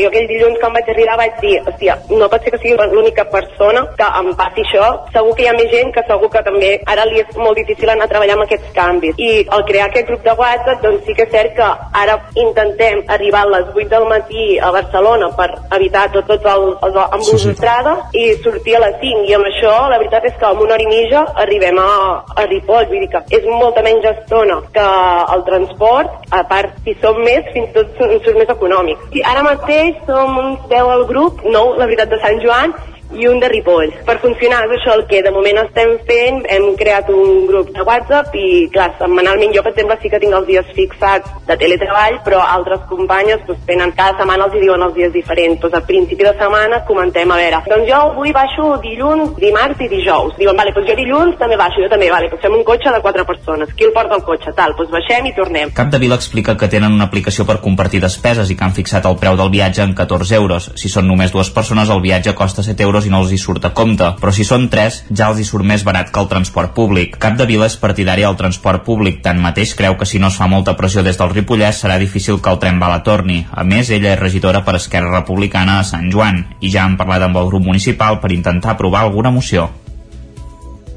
Gràcies, Isaac. Més qüestions del Ripollès cap a Cardedeu, perquè durant la Fira de Sant Isidre, que acabava ahir, els animals també han estat els protagonistes. Dissabte, per exemple, es va fer un espectacle sobre el pastoreig esportiu a la ramaderia. Núria Lázaro, des de Ràdio Televisió Cardedeu. El gos d'atura és conegut per la seva feina de pastoreig amb grans ramats, però en l'actualitat hi ha més races que també s'utilitzen per ajudar els pastors. El Border Collie és un d'ells. L'escalot del Montseny i pastors d'asfalt s'han encarregat de fer una demostració d'ensinistrament que no de treballa amb aquestes dues races de gos i també han explicat les principals diferències entre una raça i l'altra. Moisès Tarrés, ramader i ensinistrador de gossos pastors. S'ha vist aquí una mica la demostració. El gos de, el gos d'atura és un gos d'empeny empenya, empenya és un gos que treballa molt bé amb ramats molt, molt grossos amb alta muntanya molt, molt bestiar. I el Border Collie doncs, té una, una sensibilitat diferent eh, per fer aquest tipus de concursos d'exercicis és un gos que treballa molt més lent eh, molt més sutil, fa córrer les ovelles molt més delicat i funciona molt més bé. La Fira de Sant Isidre de Cardedeu és una de les poques que en queden al país centrades en la ramaderia. Des de l'organització agraeixen que segueixi i les activitats que fan. Albert Garriga, educador caní i formador d'ensinistradors. Ens feia il·lusió participar aquí perquè hi ha poques fires ramaderes al país i creiem que, que és un escenari on la gent, encara que no siguin professionals, poden saber una mica més de, del que es fa, en, en aquest cas, a nivell professional a les granges. Durant la fira s'ha fet també un concurs de bestiar aquí i boví amb Josep i en Jordi Joanola com a jutges. Un concurs on s'exhibeixen cavalls i vaques per trobar-ne el millor exemplar. Pel que fa al bestiar boví a la categoria de vedella frisona, els exemples guanyadors han estat els de les granges de Can Gel, Can Castellà i Can Roca. Gràcies, Núria. Més qüestions. El Consell Comarcal del Moianès organitza un nou cicle de formacions de gestió cultural obert als professionals de la comarca. Jordi Givert, ona Codinenca. La formació va des del disseny de projectes culturals fins a l'estudi del marc legal i jurídic del sector cultural, passant per la gestió financera. Tot i anar destinat a professionals, també està obert a la ciutadania en general i a les entitats de la comarca. La cultura és un àmbit que està canviant ràpidament a causa de la digitalització. És per això que des del Consell Comarcal del Moianès proposen quatre càpsules formatives d'àmbit cultural a càrrec d'experts en la matèria. L'objectiu és conèixer millor els instruments que permeten gestionar esdeveniments o altres activitats de caràcter cultural. Totes les formacions es faran en format en línia i seran gratuïtes. S'impartiran els dimarts 31 de maig, 7, 21 i 28 de juny a dos quarts de set de la tarda i tindran una durada de dues hores. El dissenyador Tom Granero, la directora de cinema Clara Roquet i la doctora Marta Serrarol són els tres finalistes de l'Osonenc de l'any 2021. El nom del guanyador se sabrà el 26 de maig en una gala oberta al públic que es farà a l'Atlàntida de Vic. A la gala també s'entregaran els premis a la innovació i el talent que otorga la Cambra d'Osona i el Premi Promesa del Consell Comarcal d'Osona. Els tres finalistes de l'Osonenc de l'any representen sectors ben diferenciats. Tom Granero és dissenyador gràfic i juntament amb Jordi Cano va fundar l'estudi Cano Granero Associats també forma part del projecte universitari de Vic, Ameomogràfic. La directora de cinema Clara Roquet, de Malla, va debutar en el món dels llargmetratges l'any passat amb Libertat, una pel·lícula que va triomfar als Goya i també als Gaudí. Abans de Libertat, Roquet, que ja tenia una destacada trajectòria en el món del cinema amb la direcció de curtmetratges com El Adiós o Les Bones Nenes. La doctora Marta Serrarols és la tercera finalista i actualment és la gerent de l'equip d'assistència primària de Vic, al CAP El Remei, que ja, i ja formava formava part de l'anterior equip fundador d'aquest centre que va ser pioner a Catalunya amb un nou model de gestió. La gala de l'Osonenc de l'any es farà el proper dijous 26 de maig a les 8 del vespre a l'Atlàntida de Vic. Es retransmetrà en directe per al Nou TV i comptarà amb l'actuació de la cantant i guitarrista Marta Frígola. Esports. El Club Patinatge Artístic Tona es proclama campió d'Espanya de patinatge de xous petits. L'actuació que van fer portava per nom Artistic Project i feia referència al personatge de ficció de Frankenstein. Aquest cap de setmana es va disputar al pavelló olímpic de Reus el Campionat d'Espanya de patinatge artístic de grups de xou grans i xou petits amb la participació del Club Patinatge Artístic de Tona que va pujar al podi en dues ocasions i també hi va, hi va participar el Club de Patinatge de Roda de Ter. Diumenge a la tarda el conjunt tonenc es va proclamar campió d'Espanya de xous petits per davant del Gondomar i de l'Aldea. L'actuació portava per nom Artistic Project i emulaven el personatge de ficció de Frankenstein per representar la creació d'una patinadora perfecta que servia per explicar com s'ha arribat a perfeccionar el món del patinatge artístic en els darrers anys. A la categoria de xous grans, disputada dissabte, el Tona va aconseguir la tercera posició, just per darrere de l'Olot i el Girona. Amb el nom de Type Bright simulava una màquina d'escriure on cada una de les patinadores representava una tecla diferent que servia per anar escrivint un relat ple d'imaginació amb l'objectiu de fer encaixar totes les peces de la història. En aquest grup també hi va participar el Roda amb Overlock, que va acabar en quinzena posició. El president del Tona, Rafael Torres, es mostrava eufòric pel gran campionat que havien realitzat els diferents equips del conjunt tonenc al llarg del cap de setmana i destacava que el títol permetrà al Tona poder participar en el pròxim campionat d'Europa i també a la Copa del Món. Més de 900 ciclistes van participar dissabte a les diferents proves organitzades en el marc de la primera edició del Bike Show Vic Osona. L'organitzaven Sport i l'Ajuntament de Vic amb la col·laboració de les entitats ciclistes locals i de Jufrere Cycling. I l'acollida va ser tan bona que des de l'organització ja pensen en una segona edició. La zona esportiva municipal de Vic va ser el punt de sortida i arribada de totes les diferents proves. La principal, l'Ultrabike, de 150 quilòmetres, la va guanyar Josep Andreu Cortada.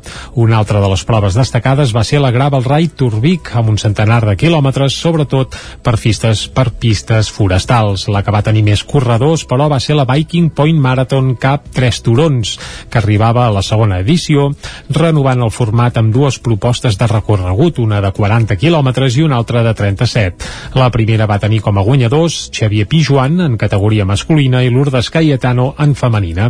Escoltem en primer lloc a Xavier Pijuan. Un circuit dur de 47-48 quilòmetres, amb dures pistes de pujada i combinat amb corriols tècnics de baixada molt trencats i bé, hem pogut fer un grup així petit que hem anat rodant quasi fins al final i bueno, aquí ens hem distanciat al final dos corredors que ens l'hem jugat tot aquí l'arribada i molt bé I ara escoltem a Lourdes Cayetano, guanyadora de la categoria femenina, volem dir.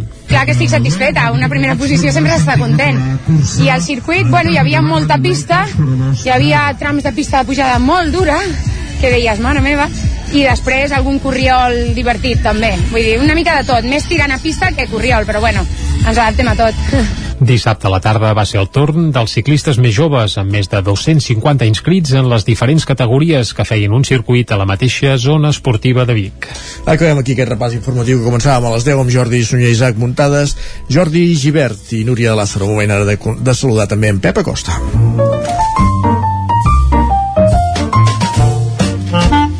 Casa Terradellos us ofereix el temps.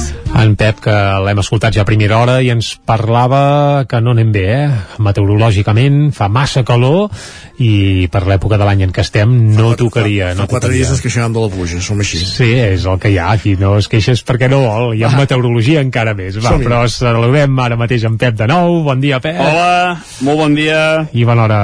Avui, uh -huh. eh, això com deia, els mínimes ja han pujat, s'estan Sí. disparant, i és que el sol terrestre es va escalfant, eh, a més, com deia, aquest matalàs a 1.000, 1.500 metres, aquest matalàs d'aire càlid, mm, la situació comença a ser bastant, bastant, bastant excepcional.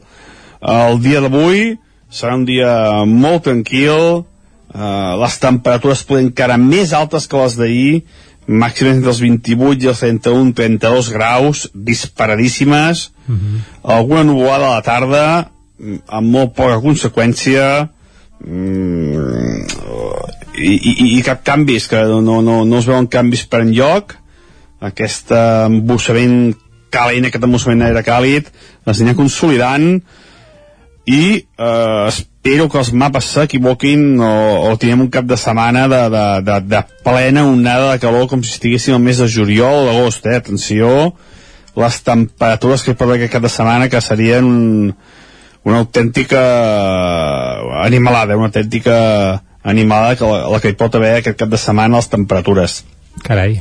Uh, I això és tot. Uh, no, no hi ha gaire més cosa a dir.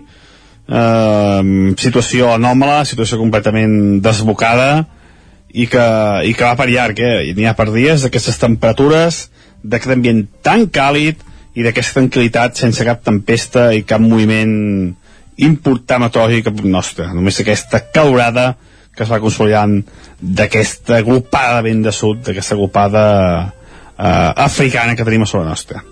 Moltes gràcies, fins demà, adeu. Ostres, ens pinta un panorama uh, catastròfic, eh, en Sí, sí, Pep? del Sàhara, pràcticament. Bé, Un va, quart, un alegria. Quart, un quart d'onze anem cap a l'entrevista. Casa Tarradellas us ha ofert aquest espai. Territori 17. Envia'ns les teves notes de veu per WhatsApp al 646 079 023. 646 079 023. WhatsApp Territori 17.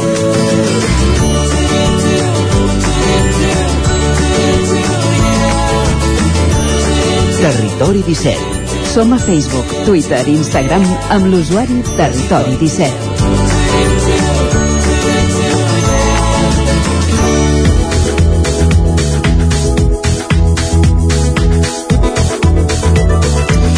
L'associació RITG és una entitat sense ànim de lucre que treballa per la prevenció dels abusos sexuals infantils i que es va fundar al febrer de 2017. La feina de prevenció, dut a terme per sis professionals i per diverses persones que hi col·laboren de forma altruista, s'ha fet sobretot al Ripollès i a Girona. Ara han impulsat un projecte amb dues potes a través de Berkami per empoderar els infants. Isaac Muntades, la veu de Sant Joan, bon dia. Bon dia, Isaac. Doncs sí, per parlar-ne de tot plegat, eh, tenim a l'estudi avui dues persones, la Mònica Jiménez, que és membre de l'associació RIC i que s'encarrega de la prevenció i gestió de col·laboradors, i també a la seva germana, la Rosa Jiménez, que també s'encarrega de la prevenció i en el seu cas, a més a més, hi hem d'afegir de la gestió econòmica. Molt bon dia a les dues i Bon moltes dia, gràcies bon per dia. eh, ser al Territori 17. Um, primer de tot, heu impulsat uh, aquest Verkami per poder fer un quadern uh, d'exercicis il·lustrats, també un conte infantil amb guia per a l'apoderament i prevenció de l'abús sexual infantil a través de les emocions. He vist que encara queden uh, 27 dies per fer donacions, necessiteu 4.800 euros, en teniu més o menys la meitat, el 50%, anem pel bon camí i arribarem? Bé, uh, bueno, abans de tot volíem agrair-vos que compteu amb nosaltres i gràcies per convidar-nos i creiem que sí, que anem per bon camí. Com tu deies, vam arrencar el dia 3 de maig i per ara uh, estem en mig camí de l'objectiu que ens hem marcat per tant entenem que sí llavors a part eh, estem tinguent forces, eh, força gent que s'ha posat en contacte amb nosaltres que coneixem i en aquest cas mm, bueno, que encara estan interessats i encara no han fet la donació perquè s'han eh, s'han acusat a nosaltres per demanar-nos com anava una miqueta i com ho havien de fer no? Uh -huh. Llavors, si en aquests 40 dies eh, que marca el Berkami no s'aconseguissin els diners, sí que volíem dir que el, les aportacions eh, de les recompenses, en aquest cas, doncs es retornarien. Com dèiem, aquest Berkami inclou dos projectes. Què tenen en comú entre ells i quin és el seu objectiu? Bé, els dos projectes tenen en comú que són dues eines, és material per poder treballar conceptes bàsics, eh, pel que fa a la prevenció, a la sensibilització de l'abús sexual infantil i el benestar dels infants. Llavors es treballen conceptes com el tema del posar límits, el respecte, el saber dir que no, eh, el propi cos, la gestió de les emocions, vull dir que eh, s'aborden diferents temes i que són vitals per, eh, per l'infant Llavors, um, a més a més, l'objectiu de les dues eines en aquest cas uh, és que l'adult també pugui acompanyar uh, uh, a l'infant. Uh -huh. uh, comencem, si us sembla, per una de les dues, uh, el quadern d'exercicis. Uh, com es titula? Què hi trobarem? Expliqueu-me, perquè aquí hi ha una sèrie d'exercicis que s'han de fer. Què, què, hi, què hi veurem? Mira, el quadern d'exercicis es titula El planetari de les emocions. Uh, L'ha escrit la Patca Jiménez, també membre de l'associació, i és important dir-vos que el quadern va acompanyat d'una guia del lector amb un glosari eh, de diferents conceptes i també d'una guia didàctica realitzada per una docent que ha col·laborat també amb nosaltres, Alicia Moreno. En el quadern s'hi treballen eh, conceptes claus per la prevenció i de la, la detecció, que és molt important, la detecció de l'abús sexual infantil, eh, en què això hi, hi trobareu una breu explicació de diferents conceptes i, i, i diferents exercicis per poder empoderar i treballar-los conjuntament amb l'infant. Hi haurà eh, infants, depenent de l'edat, que podran treballar, eh, bueno, que, que és important que ho treballin acompanyats d'una persona adulta, però hi haurà aquests infants una mica ja més grandets, adolescents, que poden fer aquest, aquests exercicis i bueno, que, que no necessiten tant l'acompanyament de la persona adulta. Um, es treballen conceptes com l'autoconcepte, qui sóc jo, què m'agrada, què no m'agrada, l'autonomia personal, el propi cos, les, uh, les, la gestió de les emocions, senyals d'alerta, que també és molt necessari, Uh -huh. uh, quines són les persones de confiança uh, a qui puc demanar ajuda i els diferents exercicis doncs trobareu uns exercicis per exemple com el del semàfor que són bueno, doncs els, el, els diferents colors no? el verd, el vermell i, el i l'àmbar quins són les parts del cos que, es poden, que no es poden tocar un altre exercici seria discernir entre els secrets bons i els secrets dolents i, o per exemple uh, identificar quines són les emocions en funció de com tu estiguis no? uh, o què t'està passant quina emoció et desperta uh -huh. Amb les il·lustracions què, què hi veurem? Qui, qui les ha fet aquestes il·lustracions? Doncs les il·lustracions les ha fet Emma Morales, eh, és il·lustradora i ja havia col·laborat amb nosaltres temps enrere en, un altre, en el nostre primer projecte artístic que era una exposició itinerant que encara us convidem a veure-la també um, i bueno la, la... aquesta exposició itinerant perdona el, el, sí? l'incís, uh, on la podem veure ara si... ara en aquests moments no us convidem vale. a que ajuntaments, poblacions escoles, uh, biblioteques no? llocs que, bueno, doncs que, que podem portar-la i, i que es pugui veure Um, doncs això, l'Emma Morales la, us, també us convidem a seguir-la al seu perfil de, de l'Instagram perquè realment és una persona que té, bueno, especial, que sap transmetre el nostre missatge, des de, per això hem continuat confiant en ella, i són imatges molt boniques, amb colors molt vius, eh, en què bueno, el que es pretén és a que, ajudar l'infant a que entengui aquest concepte o a la persona adulta, eh? I el conte infantil eh, de quina història parla? Aquesta és l'altra eh, vessant del Verkami, no sé qui l'ha escrit i em sembla que a més a més a dins hi ha, hi ha dos relats, no? Sí, és, és bueno, dir-vos que és un, un, un únic uh, conte que consta de dos microrelats en Biel i la seva cuirassa i l'Anna i la bombolla protectora els protagonistes, en Biel i l'Anna doncs, doncs viuen dues històries d'allò més quotidianes es donen el Ripollès en un parc infantil en què en Biel i l'Anna juguen amb els seus amics i amigues i a partir d'aquí d'una situació com, com, com actuarien? Com actuen un i altre? Són dos relats que el que es treballa en la comunicació, l'assertivitat, la, els límits, el dir que no, el consentiment. I bueno, aquest conte l'he escrit jo mateixa. Eh, tinc dos fills, en Biel i l'Anna de 10 i 6 anys i, i com a tots eh, tot nen i nena doncs els agrada, els agrada mm, que els expliquin contes inventats. I un bon dia pues, va ser un conte inventat i d'aquí poder-ho plasmar i poder-ho compartir amb altres famílies perquè al final el missatge és poder empoderar els nostres nens i nenes i que tinguin les eines per, per poder dir que no Uh -huh. Expliqueu-nos algunes de les recompenses que percebran els mecenes que, que col·laborin en aquesta campanya, en aquest Bercanvi. Recordem que encara queden 27 dies per, per arribar a la xifra, que són 4.800 euros. Sí, a veure, mm, realment el ventall és força ampli, eh? perquè podem trobar fins a d'una aportació de 5 euros, que en aquest cas seria un agraïment, un agraïment eh, que es farà constar la persona que ha fet aquesta petita donació, aquesta petita aportació, tant sigui en el compte com en, en el quadern de, de les emocions. Llavors, eh, podem adquirir el compte, podem adquirir el que és el quadern per separat, estem parlant de, per exemple, en aquest, aquesta aportació mínima estaríem parlant de 5 euros, el quadern i el compte estaríem parlant en aquest cas de 15 euros el quadern i 18 euros el compte. Mm, val a dir que el quadern va acompanyat d'una guia que ha fet eh, eh, amb la, que la, hem tingut la col·laboració de l'Alicia Moreno que és docent, llavors aquesta guia també acompanya aquest quadern amb el mateix preu llavors també hi ha lots lots adreçats a biblioteques, escoles que en aquest cas és el, el, trobes com el combinat del conte més el quadern més il·lustracions no? Mm -hmm. Que ara ens queden uns 3 minuts uh, teniu dades de quants nens uh, en l'àmbit català de Girona o el Ripollès que són una mica els àmbits de, de, de, on treballeu no? que, que pateixin abusos infantils no sé si, si en teniu de dades, és, difícil, entenc, detectar aquestes situacions, no? Sí, Bueno, segons el Consell d'Europa ha altres entitats com eh, la Fundació Arch, eh, de Children, Vicky Bernadette, no?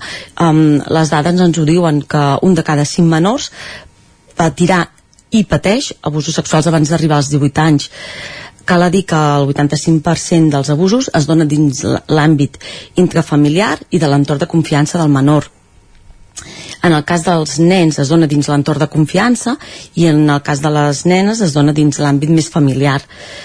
Uh, en principi la, et diuen, bueno, els estudis que diuen que les nenes a l'abús ap apareix dels 7 als 9 anys i els nens uh, dels, 10 al, dels 10 als 12 realment és molt difícil um, detectar-ho, perquè la majoria dels menors pues això, ho estan visquent a casa o d'algú de, de l'entorn molt proper i amb qui ho confien que desconfiï d'aquell adult que acompanya no? Uh, per tant, i a més a més hi ha una coacció hi ha una la majoria d'aquests nens i nenes uh, se senten coaccionats, amenaçats um, bueno, no, a més a més la persona que l'adult que, que els hauria d'acompanyar uh, és l'adult que està com, no? que comès aquella, uh, aquell abús i per tant se senten culpables, tenen por, tenen vergonya uh, els man manipulen perquè mantinguin els secrets i bueno, el, el nen i nena ha de sobreviure això i, i entendre que això no passa a, a, a llocs llunyans, això està passant al Ripollès, això passa a casa nostra i hem d'entendre que una manera de poder mm, ajudar els, nen, els nens és amb l'escolta activa, amb obrir mirades, bueno, eh, en, en, en, en realitat és molt important poder acompanyar el nen i que se senti eh, tranquil de poder explicar qualsevol cosa del que poder-lo acompanyar no? i tranquil de que ens pugui explicar qualsevol cosa obrir mirades, que és l'important trencar silenci Mònica i Rosa Jiménez de l'associació RIC, gràcies per ser avui al Territori 17 a explicar aquest projecte. Quan porteu recollit fins ara de diners? Dèiem que l'objectiu són els 4.800, que falten 27 dies. On som ara? Actualment estem vora uns 2.400 euros. Molt bé per tant estem a mig camí. I, i volíem aportar que eh, fem crides a escoles i, i mo bueno, moltes gràcies que, per col·laborar amb nosaltres. Gràcies a vosaltres per ser avui amb nosaltres aquí al Territori 17 bon dia a totes dues. Moltes gràcies, moltes gràcies. gràcies Isaac també per acompanyar-los. Parlem d'aquí una estona, fins ara. Fins ara. I el que fem ara tot seguit al Territori 17 és una pausa per la publicitat, tornem d'aquí 3 minuts. El nou FM, la ràdio de casa, al 92.8 En Santi no para de teletreballar. Per això necessites sempre la millor connexió. Si treballes fora de l'oficina, escull la millor fibra i línies mòbils amb la major cobertura 5G, com en Santi. Benvinguts a Mi Movistar. Configura-la al 1004, a movistar.es o a les botigues amb fins a un 50% de descompte els 3 primers mesos. Perquè ara Movistar arriba a Barcelona. Movistar, la teva vida, millor. Sherlock Holmes ha mort i Watson necessita la vostra ajuda per tornar enrere en el temps i trobar el punt exacte per salvar-lo del parany de Moriarty. Posa't en la pell del detectiu britànic i resol tots els enigmes en menys de 60 minuts per poder escapar. Elementary Escape Room de Vic, una aventura per a tota la família. Tens la teva reserva per WhatsApp amb el codi La Ràdio de Sherlock i aconseguiràs un 10% de descompte. Ens trobaràs de dijous a diumenge al carrer de la Fusina 22 de Vic per telèfon i WhatsApp al 622 85 54 17 o elementary.cat. A Bailen sabem que quan té una avaria a la seva caldera vol una solució ràpida. Truqui al servei tècnic oficial Bailen i els nostres tècnics vindran ràpidament a solucionar-li el problema. A més, si canvieu ara la caldera, us regalem fins a 300 euros. Truqueu al 910 77 88 77 o entreu a bailan.es. Cobertes serveis funeraris.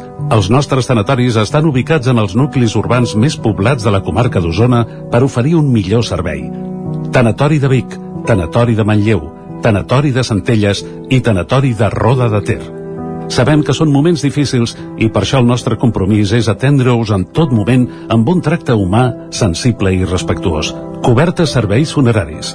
Telèfon 24 hores 93 883 23 46. I quan t'imagines en el futur, què hi veus? Prefereixo pensar en què fer en el present per construir-me el futur que jo vull. Per això sé que la formació és imprescindible. Nous cicles formatius de grau superior al Seminari Vic. Formació en dietètica i en gestió d'allotjaments turístics. Tu decideixes el teu futur. Inscripcions obertes al Seminari Vic. Més info a seminarivic.cat o al 93 886 1555. Cocodril Club. Si t'agrada la bona música dels anys 60, 70 i 80, escolta el 9 FM als matins de dissabtes i diumenges d'11 a 1. És el temps del Cocodril Club, tot un clàssic de la ràdio, amb les bases del pop-rock, les llegendes, les cançons que s'han convertit en autèntics himnes. Recorda, dissabtes i diumenges al matí, d'11 a 1, al 9 FM 92.8. Cocodril Club, el programa revival de l'Albert Malla. Hasta luego, cocodrilo. El 9 FM, el 9 FM, el 9 FM, el 9 FM. Dos quarts d'onze, l'hora Sánchez.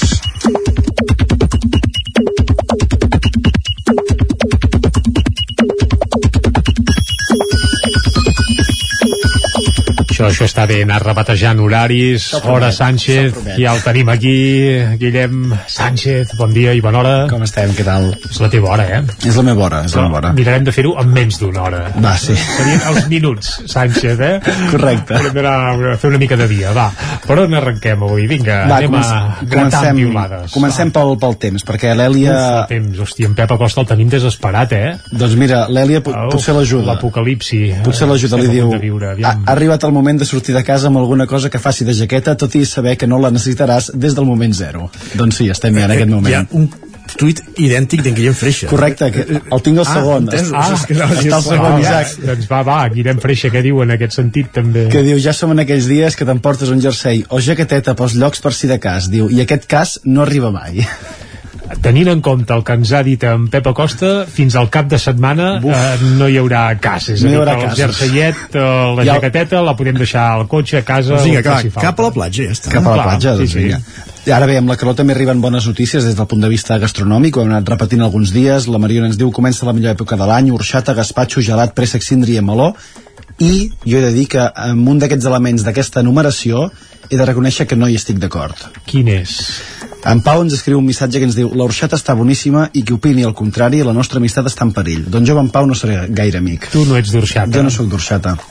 No l'entenc. deu ser que els gens valencians no els tens gaire desenvolupats. Gaire desenvolupats, sí, sí, potser, potser va per aquí. En canvi, la Lucía té altres gustos, ens diu, per favor, que, desapare que desaparegui l'orxata, no existeix cosa més horrible. Doncs Jo sóc molt fan de l'orxata, encara no he consumit aquesta temporada, em vaig demanar una i em van donar un granejat de llimona.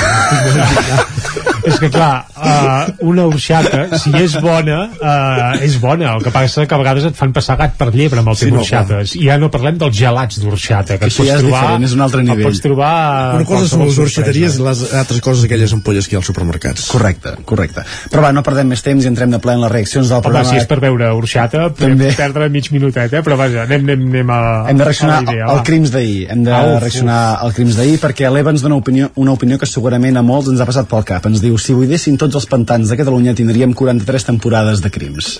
Sí, o 50. O 50. Bé, però en el cas d'ahir, que es va centrar a prop del pantà de Rialp, cal dir que la persona en qüestió no, no era No, al fons del pantà. no era al eh? fons del pantà.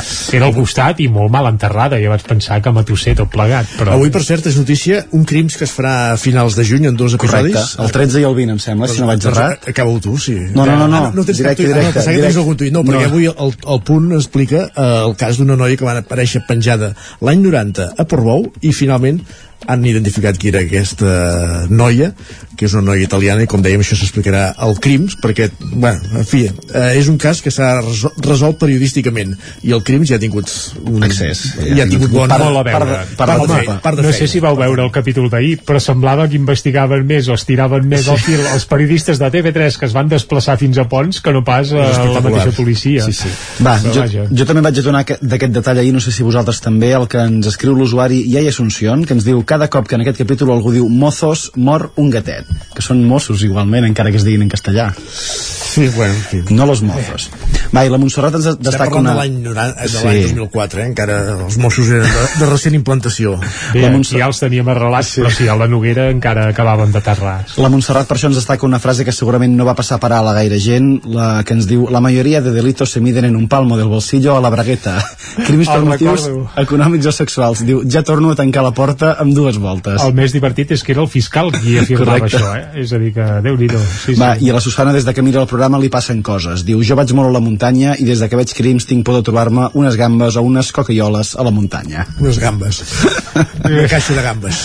Ara, ara, de Palamós. Va, i canviant de tema, jo aquest cap de setmana he tingut problemes per trobar les ulleres de sol a casa.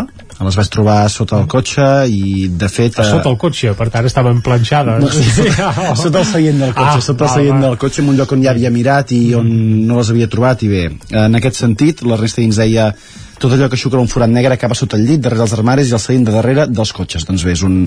És un és una cosa que, que, que sol passar i s'hi acumula una mà de, de merda en aquests Ah, llocs, perquè- parlant clar.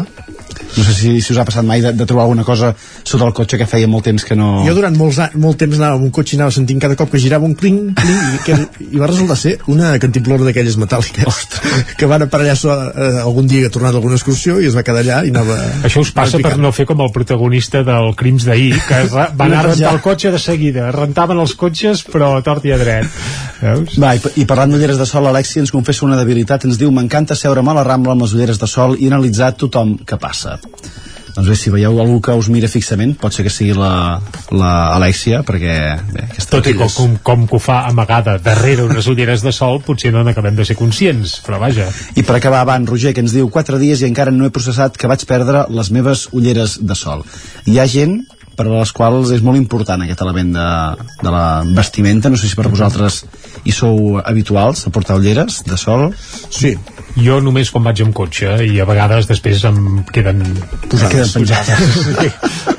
Però sí, amb cotxe ahir mateix les vaig rescatar, veus? Crec que per primera vegada seguint la tònica aquesta que, que enfilaves tu. Doncs va, ho deixarem aquí i demà recordarem un aniversari molt especial del món Sí? de, la, de la comunicació i no podem donar més detalls. Home, home, ara ens deixes aquí Ja amb la mel als llavis. No, no, no, no Una podem pista. donar més detalls. No, Ah. té, molt, té molt a veure amb la, amb la televisió. Jo en sé un altre aniversari, però no és demà, és demà passat o l'altre, és el 20 de maig del 1992. Home, aquest el sabem tots. Uh, Vaquero Stochkov i Koeman I Koeman Gol. Ah, que bonic, que bonic. Doncs, Però no, no té demà. relació amb el No. 20 de maig a Wembley, eh? No. Ho Farà desvetllarem 30 demà. anys, ja farà 30 anys, Isaac, i ens en recordem, no? De fet, avui, avui dia 17, avui dia 17 fa anys de la, de la de París, em sembla. Ah, pot ser. Perquè va ser tota la tercera Tu setmana la, de la de maig. Wembley et queda lluny, eh? Jo estava a la panxa de la meva mare en aquell moment, Jordi. Molt bé, molt bé. Doncs... Sí, ja sabem que en Sánchez és el 92. Perfecte. doncs, uh, Guillem, moltes gràcies. Que vagi bé. I demà ja tens deures, eh? Demà tinc deures. Uh, una altra pista? Televisió, Ràpidament. televisió i, mira, uh, estat del trànsit, diguem-ho així. Ara, pla, uf. Uh, La primera crònica del trànsit del Este 93. més escriptor uh, i, i... No diré res, i no- no diré pastura res. per Besalú a vegades, val, ja està, No m'ha diré vingut res. un nom, no diguis res més. La gent des de casa, l'Isaac ja ens l'ha dit. No diré, no, no, no direm no diré res. res. No val, direm val, val, va, deixem-ho aquí. Cop d'ull a les portades del 99.cat ràpidament. Comencem per l'edició d'Osona i el Ripollès, que explica que la Generalitat es vol estalviar 810 milions d'euros avançant la fi de la concessió de l'eix transversal. Veurem si se n'acaba sortint. Ahir ho explicàvem també aquí a Territori 17. També un estudi alerta que els joves d'Osona fumen i veuen per primer cop abans dels 14 anys, que això és molt d'hora, i també baralla al centre de Manlleu amb alguns vídeos que la veritat és que fan faradat. Això va passar el diumenge, diumenge al vespre a Manlleu. Anem cap a l'edició del Vallès Oriental. Ara mateix, primera informació que apareix és que la comarca ha acollit 375 persones d'Ucraïna des del mes de març, això arreu del Vallès Oriental. També el caporal de la policia i una infermera de Parets reben la medalla de la solidaritat Covid-19 i el PSC va celebrar la festa de la Rosa a les franqueses del Vallès. Això ho va fer aquest cap de setmana. I d'aquí anem cap a la taula de redacció. Anem-hi.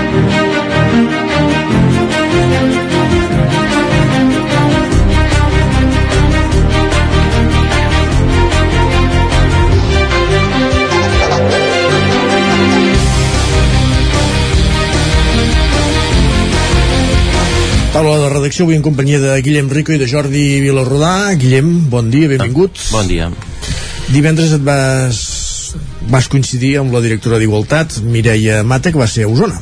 Sí, exacte. Va fer una visita al Consell Comarcal d'Osona per conèixer aquesta iniciativa vinculada a la guerra d'Ucraïna, aquesta campanya eh, Osona amb Ucraïna eh, que van engegar des de l'ONG Osona amb els nens i amb el suport de, del Consell Comarcal d'Osona. Es van reunir també perquè des, de, des del Consell i des de l'entitat doncs, reclamaven una mica eh, suport econòmic per, per les persones refugiades i, i, i de retruc per les famílies que, que les acullen, no? ja sigui per una via o per l'altra, però perquè eh, s'ha creat aquest model d'acollida peculiar eh, que de fet Mireia Mata deia que, que era un model d'acollida que acabava sent un referent um, perquè ja, ja inclou una part de diguem com de, de mentoria no? que les mateixes famílies doncs acaben acaben mm, diguem in, inserint en la societat eh, aquestes persones refugiades que, que han arribat doncs, amb, amb el que tenien, han arribat eh, separades, diguem, de part de la seva família i, i bé, doncs així és una manera doncs, que els van situant eh, a l'espai on viuen i per altra banda també eh, ara aviat farà tres mesos de la primera de les acollides que es va fer es feien aquests contractes eh, confien que des de la, des de l'ONG que aquests contractes eh, es renovaran però també les persones que estan acollides en part doncs també de, eh, si la situació s'allarga també volen aconseguir certa, cert nivell d'autonomia per poder ser autosuficients. I llavors clar eh, Uh, per això demanen aquestes ajudes. Sí que uh, em deia Mireia Mat això, com molts sabeu doncs, que ja s'han accelerat molts processos d'aquests de, de regularització de manera ràpida. Uh, semblava que s'havia encallat i s'havia anat més lent del, del, que, del que es preveia però això ja s'ha desencallat, alguns ja poden treballar també es fa una crida amb les empreses. Des del govern, ens deia la secretària d'Igualtats uh, eh, poden anar per les vies habituals del SOC, etc. També tampoc s'ha s'ha promogut eh, amb les empreses que, que contractin gent durant els incentius, per exemple, si contracten persones d'origen ucraïnès, però és un, és un tema que, que estan treballant. Sí que li demanàvem eh, això, aquesta diferència que es crea eh, entre els refugiats que venen d'Ucraïna i els refugiats o immigrants que venen per altres motius des d'altres llocs perquè el temps de legalització, per dir-ho d'una manera, és, no té res a veure. Uh -huh. Uh, i ella sí que deia que tots els refugiats haurien de poder tenir el mateix tracte i que és un fet que han denunciat diverses vegades a, a, al, al, al govern espanyol, aquest sistema estatal d'acollida Uh, perquè s'acaben de, de negant proteccions internacionals, això han denunciat la llei d'estrangeria, perquè hi ha persones que porten més de dos anys treballant i a vegades això, han d'acabar treballant de manera mm, clandestina, mig il·legal, però en precarietat. Ella també parlava de, fins i tot de, feia servir la paraula esclavitud eh, per, per poder-se mantenir aquí el, el temps suficient per poder acreditar després que, que eren aquí i que els hi puguin fer aquesta, aquesta legalització. Això, valoraven aquest, aquest model d'acollida de, de refugiats um, per això, perquè hi ha aquestes persones que acaben sent un referent per, per, per les persones acollides i, i deia això, no? que estan pendents d'uns ajuts econòmics que reclamen a l'Estat també que els activi ràpid a, a, a través d'uns fons europeus per donar eh, aquests ajuts. Hi ha diferents vies, com podrien ser les targetes moneder que, que es fan servir en altres tipus d'ajuda, però sí que parlava d'aquest model perquè també va ser un model molt ràpid, no? Eh, a diferència del que ha pogut fer des del govern de la Generalitat, aquesta xarxa que hi havia a través de l'ONG, que també hem de tenir en compte que, que ens deia ella, a Osona precisament no hi ha una, una comunitat ucraïnesa molt gran que ja estigués vivint aquí i que per tant que portessin les seves famílies, sinó que eh, hi havia la vinculació a través de, de l'ONG Osona amb els nens que havia acollit eh, nens i nenes durant molts estius procedents de la zona de, de, la, de, de Txernòbil i ells sí que van portar familiars, era un model d'acollida diferent, és diferent tenir un nen a casa durant l'estiu que tenir una família sencera eh, a casa, i llavors per això també van fer aquesta, aquesta crida i, i llavors, clar, eh, a diferència de les persones que fan, passen pel circuit estatal, que van als albergs, que després els porten en hotels i allà sí que hi ha eh, diguem, els mantenen tant, els donen el sostre i l'aliment sense cap cost, en aquest altre cas doncs acaba repercutint en, en l'economia familiar de, de, de les persones que amb, amb tota la bona voluntat doncs les han, han volgut eh, portar algú a casa seva mm, veient que sortien de, del conflicte de la guerra d'Ucraïna com podien, no? Llavors, per tant, això, pendents de, de que arribin aquests ajuts de, estatals i, i llavors eh, la crida aquesta també que feien ja la setmana passada des de des de l'ONG, des del Consell Comarcal també doncs, a, a les empreses, algunes empreses que també han rebut molts currículums que tampoc poden assumir doncs, fent aquesta crida si els pot donar feina. Hi ha algunes persones, el català també acaba sent una barrera, català o castellà no, no, no tenir alguns no, només parlen ucraïnès i aquí parlen una mica d'anglès van fent classes de català. Eh, els que són aquí han començat a, a part dels nens van a, a escola però els adults també doncs, estan aprenent català com els nens i llavors també això facilitarà doncs, que, que se'ls pugui donar algunes altres feines perquè acaba sent feines també a vegades que no són les, les seves pròpies feines de, les seves pròpies feines del que, del que es dedicaven al seu país o el que havien estudiat eh, o si en cas que haguessin estudiat. Perfecte, doncs moltíssimes gràcies Guillem per acostar-nos a aquesta realitat de l'antena. Continuem a la taula de redacció. I ara bon companyia d'en Jordi Vila Rodà que ja ens escolta, també el tenim aquí a l'estudi per parlar Jordi d'aquesta festa Verdaguer que començava aquest cap de setmana a Fulgros i que va tenir per exemple amb la conferència d'Enric Gumau dels actes centrals diumenge Sí, eh, la festa Verdaguer, diguem, de la recuperació de la normalitat ja, amb tots els actes tradicionals. Eh, la festa Verdaguer no es va deixar de finir fa dos anys, que va ser un dels primers actes que es van poder portar a terme, encara que fos amb moltíssimes limitacions durant la pandèmia. De fet, eh, va ser només anar a posar un, uns rams de flors allà en el monument a Verdaguer. Però ara aquest any ja era absolutament normal, amb tots els ballets, amb tota la fira de llibre de, de llibre de vell de poesia que hi havia amb l'oferena floral, amb tot plegat i al final doncs, del matí del diumenge que sol ser el dia central doncs, aquesta xerrada que va fer l'Enric Humà una de les intervencions més completes d'aquesta festa Verdaguer que recordo els últims anys aquesta vegada no es va optar per un perfil polític per fer aquest Parlament sinó per una persona vinculada a l'àmbit de la llengua com és ell i per, que parlés doncs, de la situació del català. Enric Comà és una persona que eh, defensa que no estem tan malament sempre. I per exemple va coordinar doncs, un llibre fa poc eh, publicat per l'editorial Eumó amb aportacions de diferents lingüistes i amb mesures concretes que es podien prendre a favor del català. El llibre es deia molt a favor i en aquesta línia va anar la intervenció que va fer va remarcar que som un 36% de catalanoparlants habituals al país segons les enquestes, però que hi ha un tant per cent afegit de gent castellanoparlant que se'ls podria empènyer a poc a poc cap al català perquè són molt competents en la llengua i arribaríem a un 44%, que llavors és eh, hi ha una massa crítica molt millor. Va defensar mm, per exemple la, el paper de TV3 va dir que era el millor que li havia passat a la llengua catalana eh, encara que va ser crític amb què ens, ens haguem carregat la cultura audiovisual per joves. Textualment ho va dir, és a dir suprimir per exemple canals com eh, els dedicats a TV3 del, del, els dedicats als joves perdó, de la Corporació Catalana de Ràdio i Televisió. Però bé, en general eh, Enric Humà ve dir que magnifiquem episodis de conflictes i els conflictes hi són però hi ha més normalitat de la que sembla en el, en el català i la, la batalla que s'ha de donar ara doncs, és aquesta de, de, de ser presents a les pantalles no? eh, les pantalles de tot tipus a les xarxes socials, etc allà on es fa el consum de cultura dels joves. Però mm, no estem tan malament bé dir ell, no estem tan malament. I va ser el missatge de la festa Verdaguer que de fet no tenia només aquest matí de diumenge d'acte sinó que ja venien del divendres el dissabte, el divendres va presentar doncs, ja el projecte per fer una segona pel·lícula sobre les excursions a Verdaguer al Pirineu després de Maleïda 1882 que ningú a 1883, ja hi ha un marxa un Camí per portar-ho a terme, es va fer la mostra de glosa de cançó popular i els actes de la Festa Verdaguer continuen aquest cap de setmana. Demà ho explicarem doncs, quan fem la previsió d'actes eh, culturals pel, pel cap de setmana. Perfecte, Jordi, moltíssimes gràcies. Molt bé. Bon dia. Bon dia.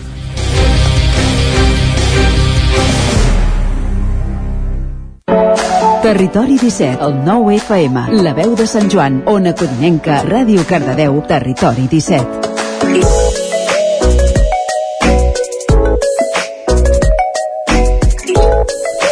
12 minuts perquè siguin les 11, ja sabeu que al Territori 17 els dimarts a aquesta hora el que fem és parlar de natura, parlar de medi ambient i des de diferents vessants i aspectes.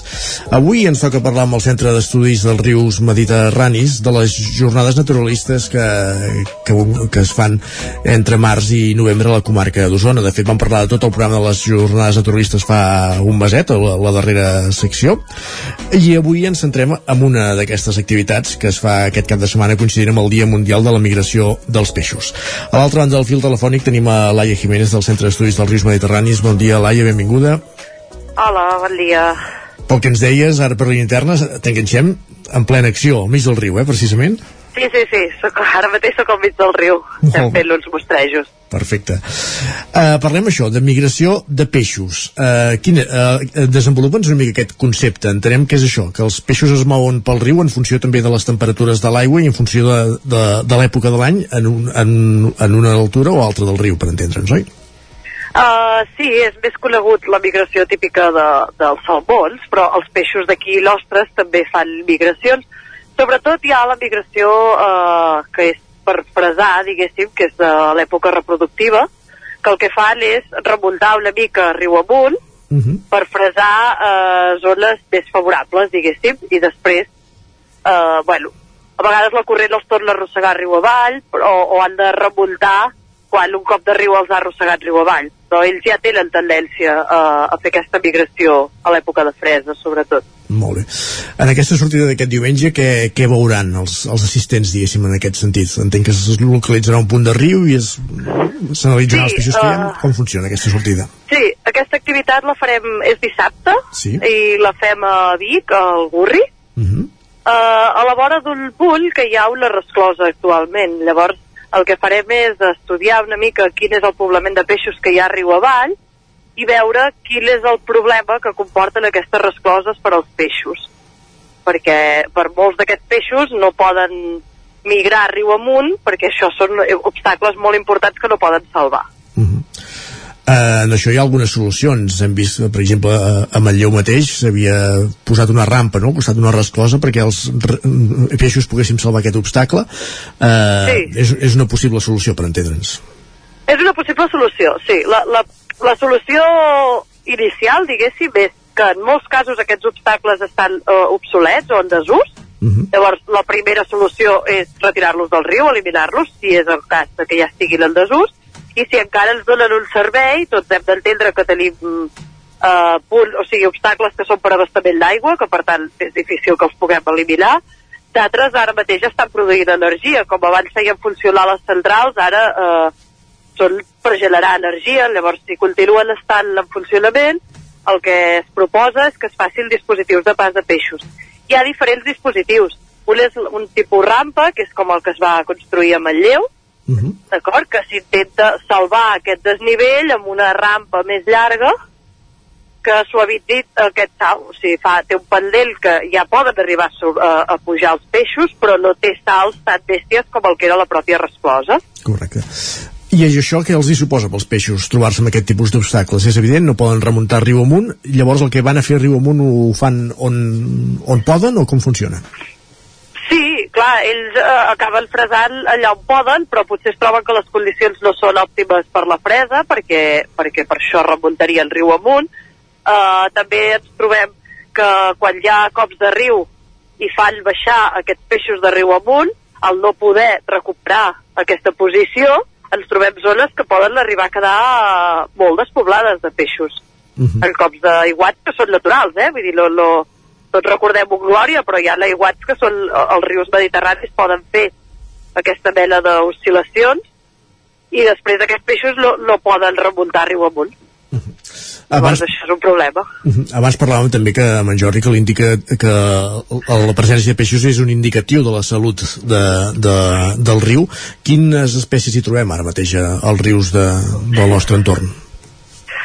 Clar, uh, sí, és un indicador, el fet de que puguin viure els peixos és un bon indicador.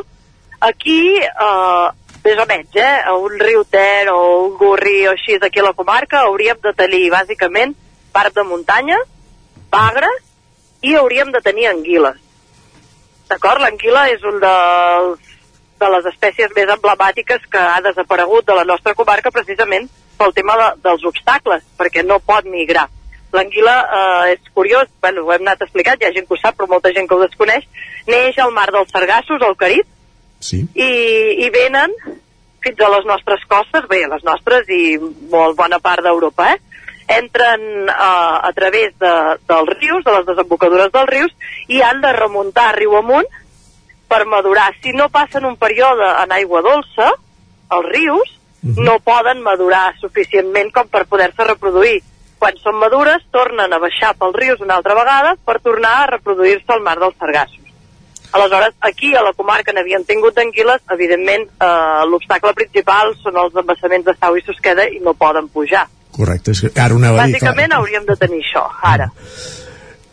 però Però també en tenim molts altres, eh? en tenim molts d'altres, eh? No, En tenim molts no, no, ha citat, de tota mena. no ha citat la carpa, que entenc que deu ser de les més generalitzades, o llavors ja Eh, citant-nos... La carpa, bé, la carpa és una espècie com tantes altres, introduïda, sí. en aquest cas per pescadors eh, aficionats a la pesca, sí. introduïda i escampada, eh? Com ho és el silur, com ho és moltes altres espècies, eh? Uh -huh. Vull dir, al Ter ara mateix podríem tenir, no sé si 12 o 15 espècies diferents, i les autòctones són aquestes tres.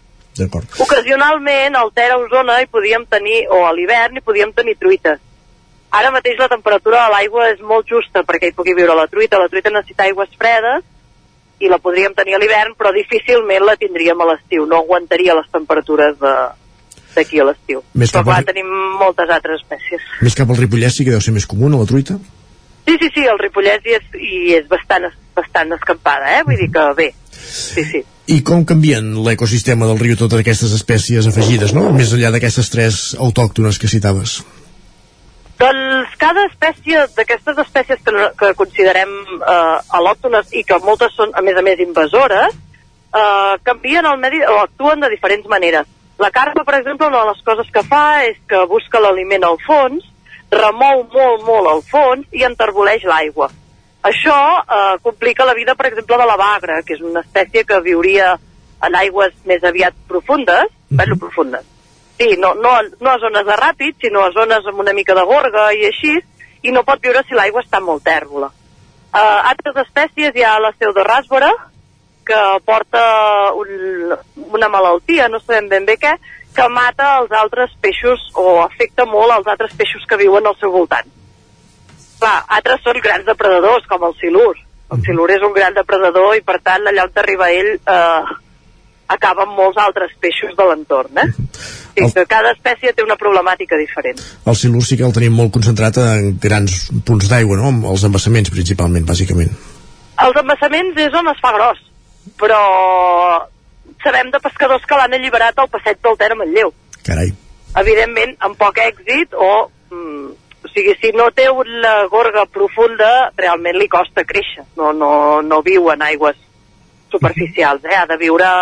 O s'ha de fer gros, per fer-se gros necessita un gran embassament. Abans que citaves la- l'anguila com una espècie autòctona de, dels rius d'aquesta zona, eh, clar, tenint en compte el que comentaves, que la barrera que suposen els embassaments, entenem que la seva desaparició ja és de, de mitjans del segle passat, per entendre'ns, de fa molts anys. Aquí dalt sí. Sí, sí, a, a Osona sí. Uh, altres rius hi arriba, eh? El Fluvià entra bastant, a la Tordera entra bastant, però és això, eh, pot entrar mentre no hi ha obstacles, i fins i tot alguns petits obstacles l'anguila els pot arribar a saltar, més que saltar, pot arribar a remuntar una mica per les vores. És a dir, si són obstacles relativament petits, l'anguila és capaç de, de passar per les vores i remuntar. El que passa que, evidentment, un gran embassament com el de Sau es queda ni vores ni res. No, no pot pujar, eh? Molt bé, Laia, de tot això en parlareu dissabte en aquesta sortida en el marc de, del Dia Mundial de la Migració de Peixos, el dissabte 21 de maig, dins aquestes sortides naturalistes que, que es fan a Osona. Eh, ens deies quan, hem, quan t'hem trucat que estaves al mig del riu fent, fent mostrejos, en, ens posa a tallar una mica l'activitat, diguéssim, amb quina finalitat aquests mostrejos, entenem que és algun estudi que d'aquí unes setmanes, mesos en tindrem dades, etc etc. Sí, ara estem en plena campanya de mostreig d'estat ecològic, que el que fem és avaluar la qualitat dels rius a diferents punts de la comarca d'Osona. Uh, ara aquests dies estem fent el Ter, el Gurri...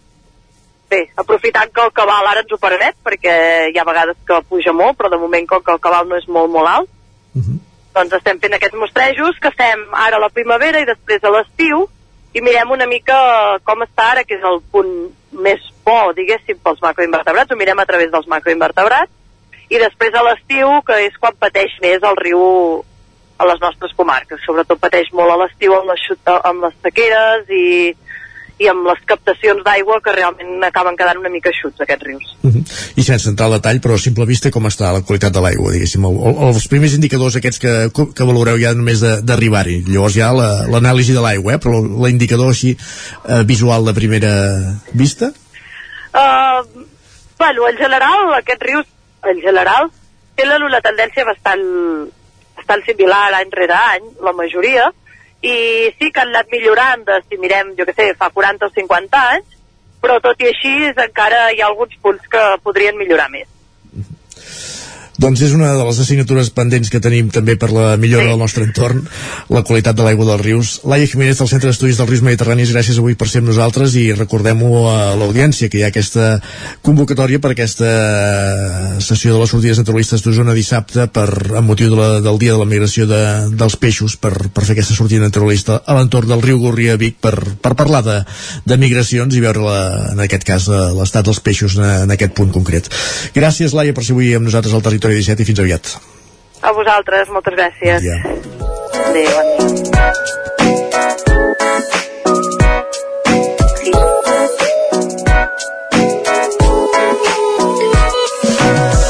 Doncs en peixos, amb la secció de Medi Ambient i Natura que tenim cada dimarts, o, o també meteorologia al territori 17, arribem al punt de les 11. Hem parlat amb Laia Jiménez del Centre d'Estudis dels Rius Mediterranis sobre la qualitat de l'aigua, però sobretot sobre les migracions de peixos. Ara al territori 17 avancem amb l'actualitat.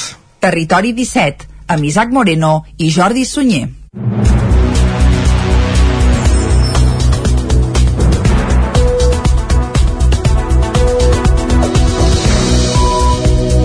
Expliquem a aquesta hora que sis persones han mort de Covid al Ripollès en l'últim mes que es tenen dades. Isaac Muntades, des de la veu de Sant Joan.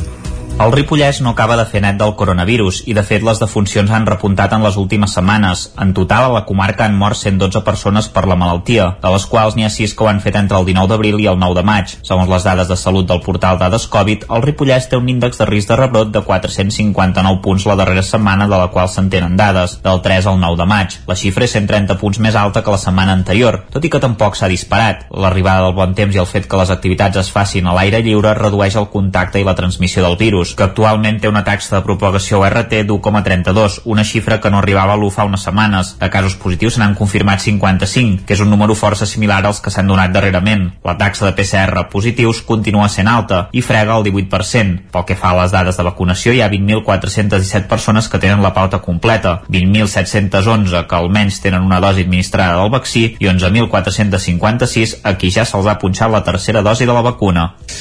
I del Covid al trànsit, perquè hem parlat amb el director del Servei Català de Trànsit, Ramon Lamiel, després de l'increment de la sinistralitat que s'ha produït el mes d'abril a tot Catalunya, però on quan van morir unes 23 persones. Això ha portat el Servei Català de Trànsit a prendre mesures que ja s'han vist el seu efecte durant el mes de maig. Trànsit i Mossos d'Esquadra han posat en marxa un dispositiu d'emergència aquest mes de maig.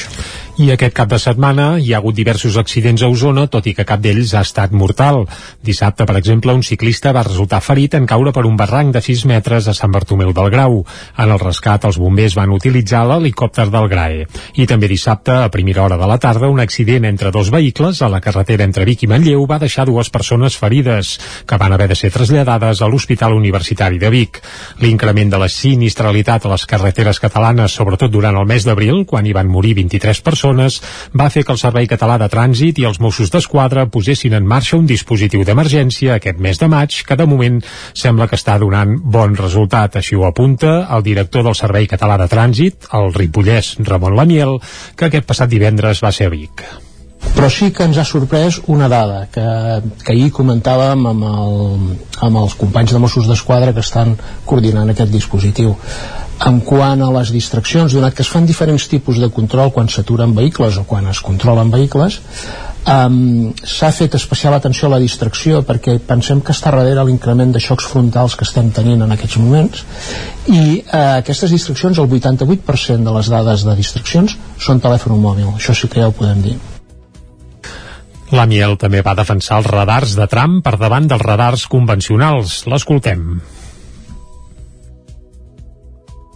Un radar fixe només agafa un punt molt concret i a 100 metres del radar fixe doncs les conductes ja poden ser inadequades no?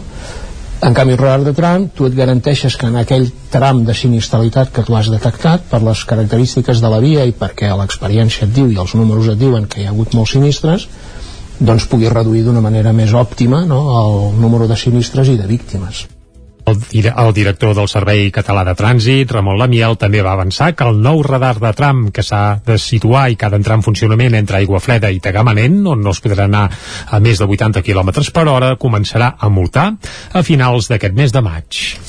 Més qüestions. Adif reforça en personal les estacions de tren de Manlleu, Torelló i Ripoll. Serà una atenció presencial on l'objectiu d'oferir informació i gestionar incidències. Les estacions de tren de Manlleu, Torelló i Ripoll han estat incloses en el nou projecte d'atenció al client Facility que Adif desplegarà a 22 punts de tot el territori català.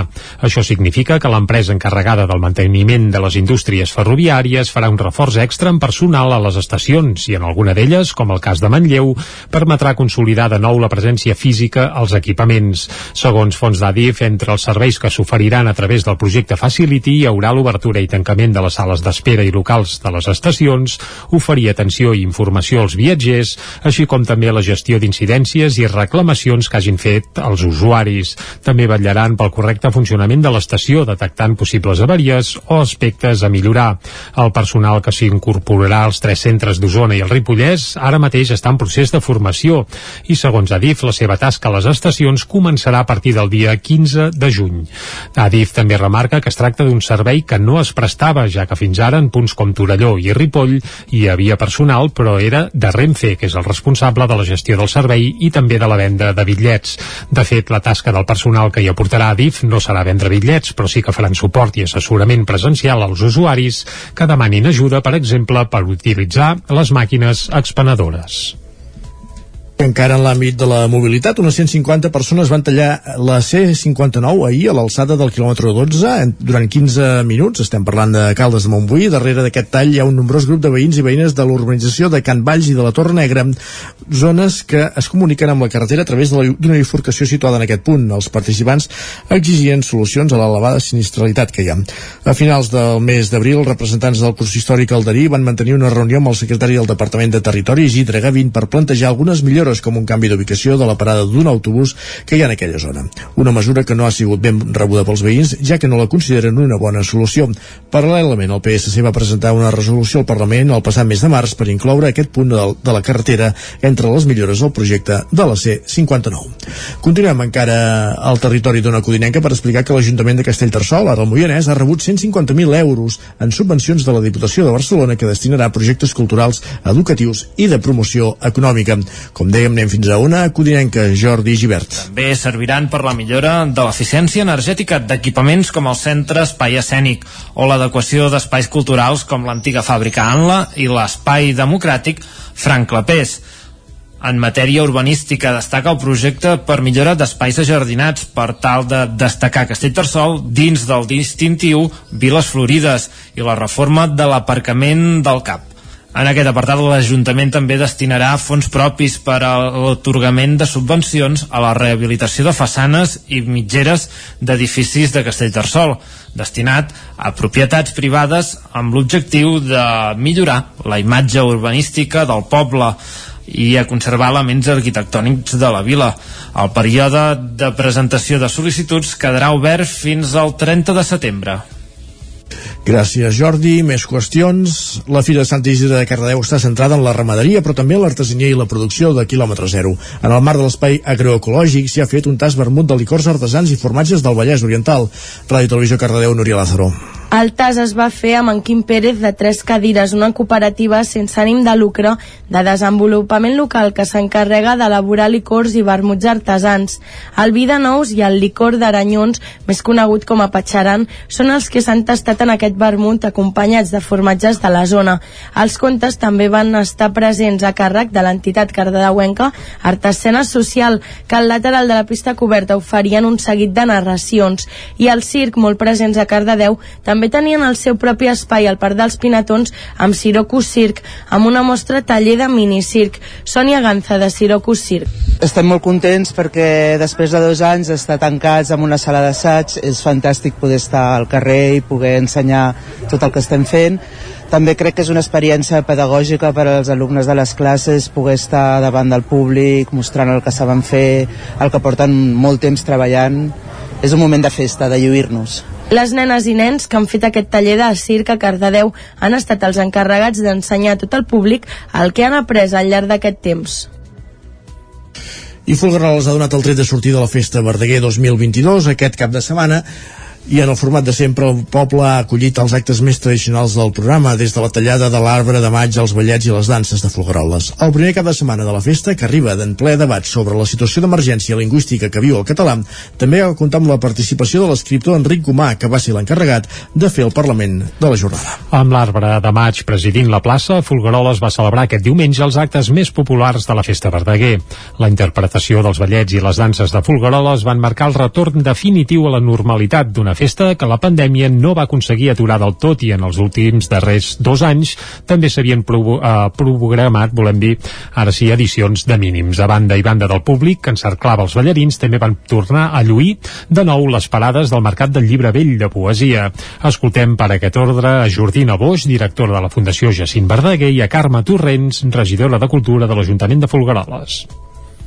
La Festa Verdaguer 2022 recupera l'espai central de la plaça, el Mercat de Llibre Vell, que l'any passat sí que hi era, però els ballets no es van poder fer davant del Padró, que és l'espai que, que, que, que els hi dona sentit, no? també aquest padró cobert de flors que porta la gent durant el matí i amb els ballets que ompliran, ompliran la plaça. Vull dir que els espais centrals tornen a ser aquests de corulls de gent. De la mateixa manera que la primavera torna, eh?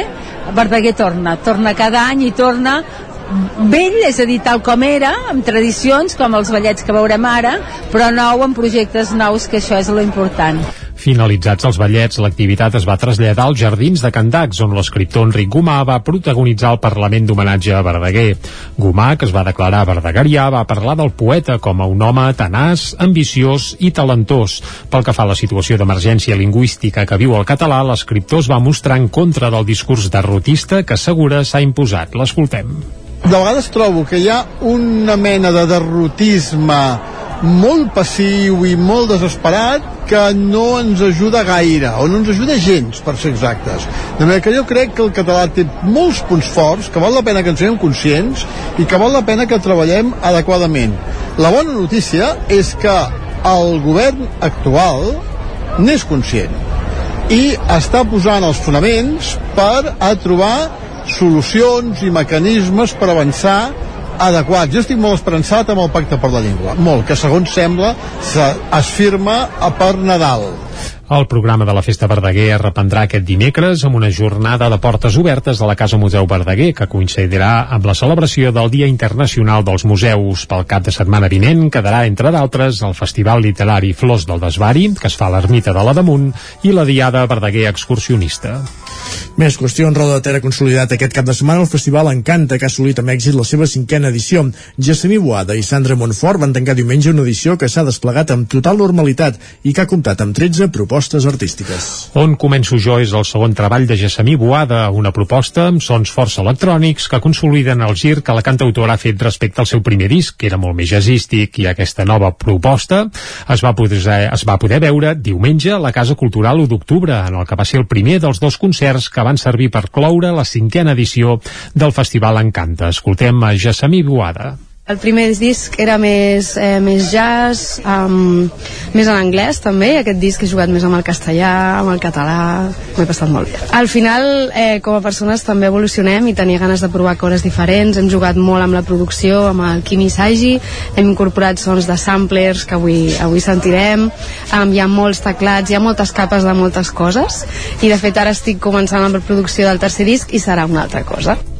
El relleu de Gessamí Boada, el mateix escenari, el va agafar la valenciana Sandra Montfort. Membre també del grup Marala, Montfort va ser a Roda de Ter per presentar el seu projecte en solitari, una combinació de música tradicional, poesia i electrònica que no va deixar indiferent a ningú. Escoltem a Sandra Montfort.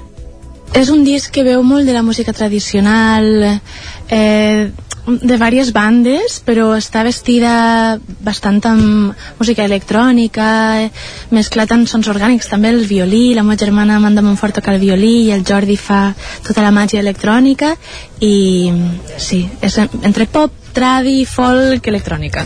Des de l'Ajuntament de Roda, el regidor de Cultura, Roger Canadell, celebrava la bona acollida de la cinquena edició de l'Encanta i parlava de la consolidació definitiva ja del festival. L'escoltem. que, doncs, com hem dit altres vegades, que s'ha consolidat plenament aquest festival a Roda, el mes de maig, festival de primavera, que, que aquest any ha sigut, eh, podem dir, el retorn a la normalitat amb un èxit absolut, tant per nombre de gent com per, com per qualitat dels espectacles. La veritat és que hem de dir que estem molt contents. De dijous a diumenge el festival va aplegar 13 propostes musicals arreu del municipi, bé, més que arreu a tres escenaris del municipi. Un dels concerts que va acollir més públic va ser el del Petit de Calaril, que es va fer dissabte a l'escenari del Museu de l'Esquerda.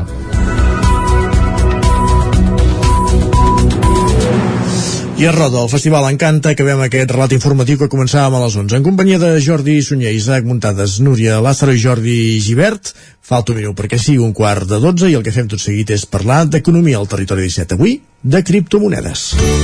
Territori 17. Envia'ns les teves notes de veu per WhatsApp al 646 079 023. 646 079 023. WhatsApp Territori 17.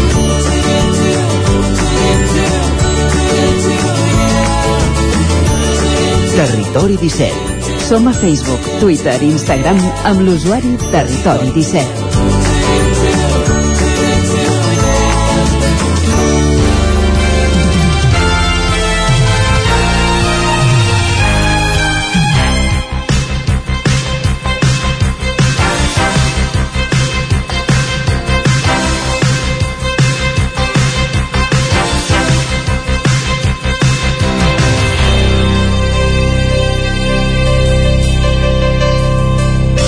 Com dèiem, com cada setmana parlem d'economia al territori 17, parlem amb Joan Carles Arredondo, el cap d'economia del 9-9 del Vallès Oriental. Bon dia, Joan Carles, i benvingut un dimarts bon més. Avui per parlar d'un tema de moda, de, del moment, de les criptomonedes i les Sí. inversions en moneda virtual. Hem, hem, hem de dir en favor nostre que no és pas la primera vegada que anem aquest tema eh, i normalment diguem-ne que ens hem mostrat una mica escèptic eh, tampoc eh, ara tam- tampoc anirem de, de, de, dels, de, de profetes del, del joialdeisme eh? de tota manera bueno, diguem-ne que mm, el, el símil és les festes esbojarrades aquestes que, que eh, tu passes molt bé però després acabes amb ressaca sí. amb penediments amb promeses que segurament no compliràs després, no? Però, però sobretot Déu això no tornarà a passar. Doncs la festa del bitcoin i, i d'altres criptomonedes, eh? De, diguem-ne que té un efecte anàleg. Per exemple, en el cas de Bitcoin, tot era eufòria. El novembre sí. de l'any passat eh, va arribar als màxims històrics, 68.000 dòlars de, de cotització. I la setmana passada, en canvi, va arribar el moment de la ressaca. 26.000 dòlars és, és perdre-hi, eh? De, El, el novembre era el moment de vendre, vaja. El, el novembre el moment de vendre, sí, doncs eh, està clar. I probablement ara sigui el de comprar, mm, no se sap, perquè tothom parla d'un concepte, aquí els conceptes eh, els regalen, eh? eh? que es diu criptohivern. Eh? Sí. Criptohivern vol dir que hi ha un llarg període, gairebé diríem, com, com, si- com si fóssim ossos, eh? d'hivernació, i el que s'està augurant ara és que probablement passi per aquest període. En, hi, ha, hi ha hagut altres criptohiverns, eh? però el que passa que segurament, mm, clar, la caiguda de, de la setmana passada va ser tan dràstica i tan, tan sobtada que, mm, que mm, diguem-ne que ha saltat els titulars. Uh -huh. això, la setmana passada 26.000 dòlars, avui, avui estava a 29.000, per, per si algú li serveix veure que, home, passar de 26.000 dòlars a 29, em, diguem-ne que una mica hi guanyes, eh? Diguem-ne 3.000 dòlars, eh? sí. Uh, però, en fi, clar, això és, és, és encertar el moment, eh? com, com tot plegat. Doncs això, eh? tenim molts inversors que després d'aquesta caiguda van quedar com si tinguessin ressaca, mal de cap i altres, i altres dosis de penediment. En una sola jornada, la de dijous passat, es van volatilitzar 200.000 milions de dòlars. Eh? Ja t'has dit. Sí, jo hi ha dies que no els guanyo. I que això eh, va ser una caiguda de cotització no només del bitcoin, sinó d'altres criptomonedes, Ethereum, que és la segona més cotitzada, Terra, Luna i tantes altres. Mm, diguem-ne que mm, els inversors eh, els va donar per no creure's eh, allò que sí que s'havien cregut fins ara, que és el tema de la criptomoneda, no? Em van ser vola- volatilitzats aquests 200.000 milions de dòlars i diguem-ne que amb, amb totes les jornades una mica més perquè al contrari que altres valors que cotitzen darrere la criptomoneda no hi ha res més que una llarga inscripció de processos informàtics eh? Doncs ja saben que això funciona com una cadena de blocs que es van fent en ordinadors que d'això en diuen mineria eh? doncs mm, diguem-ne que poca cosa més que hi ha eh? no hi ha els actius d'una empresa eh? que, que, que si la cos, les coses van mal dades puguis realitzar si no tots, una part d'aquests actius i poder retornar el, el, el que deuen o el que has invertit. No hi ha cap primera matèria, eh? no, no, no, no, no, no, reps, diguem-ne, arròs per, per als diners que, que tu hagis pogut invertir. Eh? Um, um, només hi ha això, eh? una xarxa d'ordinadors fent operacions informàtiques i també hi ha els preus que estiguin disposats a assumir compradors i venedors en cada moment. Eh? Uh, també hi ha un conjunt de coristes que em van encantar les excel·lències, eh? uh, que intenten igualar, igualar el volum dels que encanten els perills. Hi ha cripto, criptoeufòrics i criptoescèptics, diguem-ne, Sí, i normalment d'aquesta d'aquest eh, diguem-ne joc de decibels en- entre els que canten les excel·lències i els que canten diguem-ne els desavantatges el que n'acaba sortint és bastant soroll eh? quan, quan s'ajunten dues músiques diferents passa això no? Això que diem, eh? cançó més cançó igual a soroll i per tant con- convé situar-se davant dels fets que almenys en aparença són certs I Fem una mica d'història. Eh? El Bitcoin va aparèixer el 2009 com a fruit de la difusió tecnològica que en va fer eh, una persona o un grup de persones, no se sap, és un pseudònim, que es diu Satoshi Nakamoto. Això aquests van ser els, el creador o els creadors de, de Bitcoin, en aquest cas, i des de llavors s'ha real- revalori- revaloritzat de forma inqüestionable. Eh, la història del Bitcoin una història petita, eh? són pocs anys, però per ter una primera fita el 22 de maig de, 2000, de 2010, eh? aviat farà 12 anys i normalment aquest dia se celebra. Eh? Va haver-hi un, un, un, ja ho diré, un, un, eh, un informàtic eh? Sí. que va decidir pagar-se el sopar amb aquesta moneda.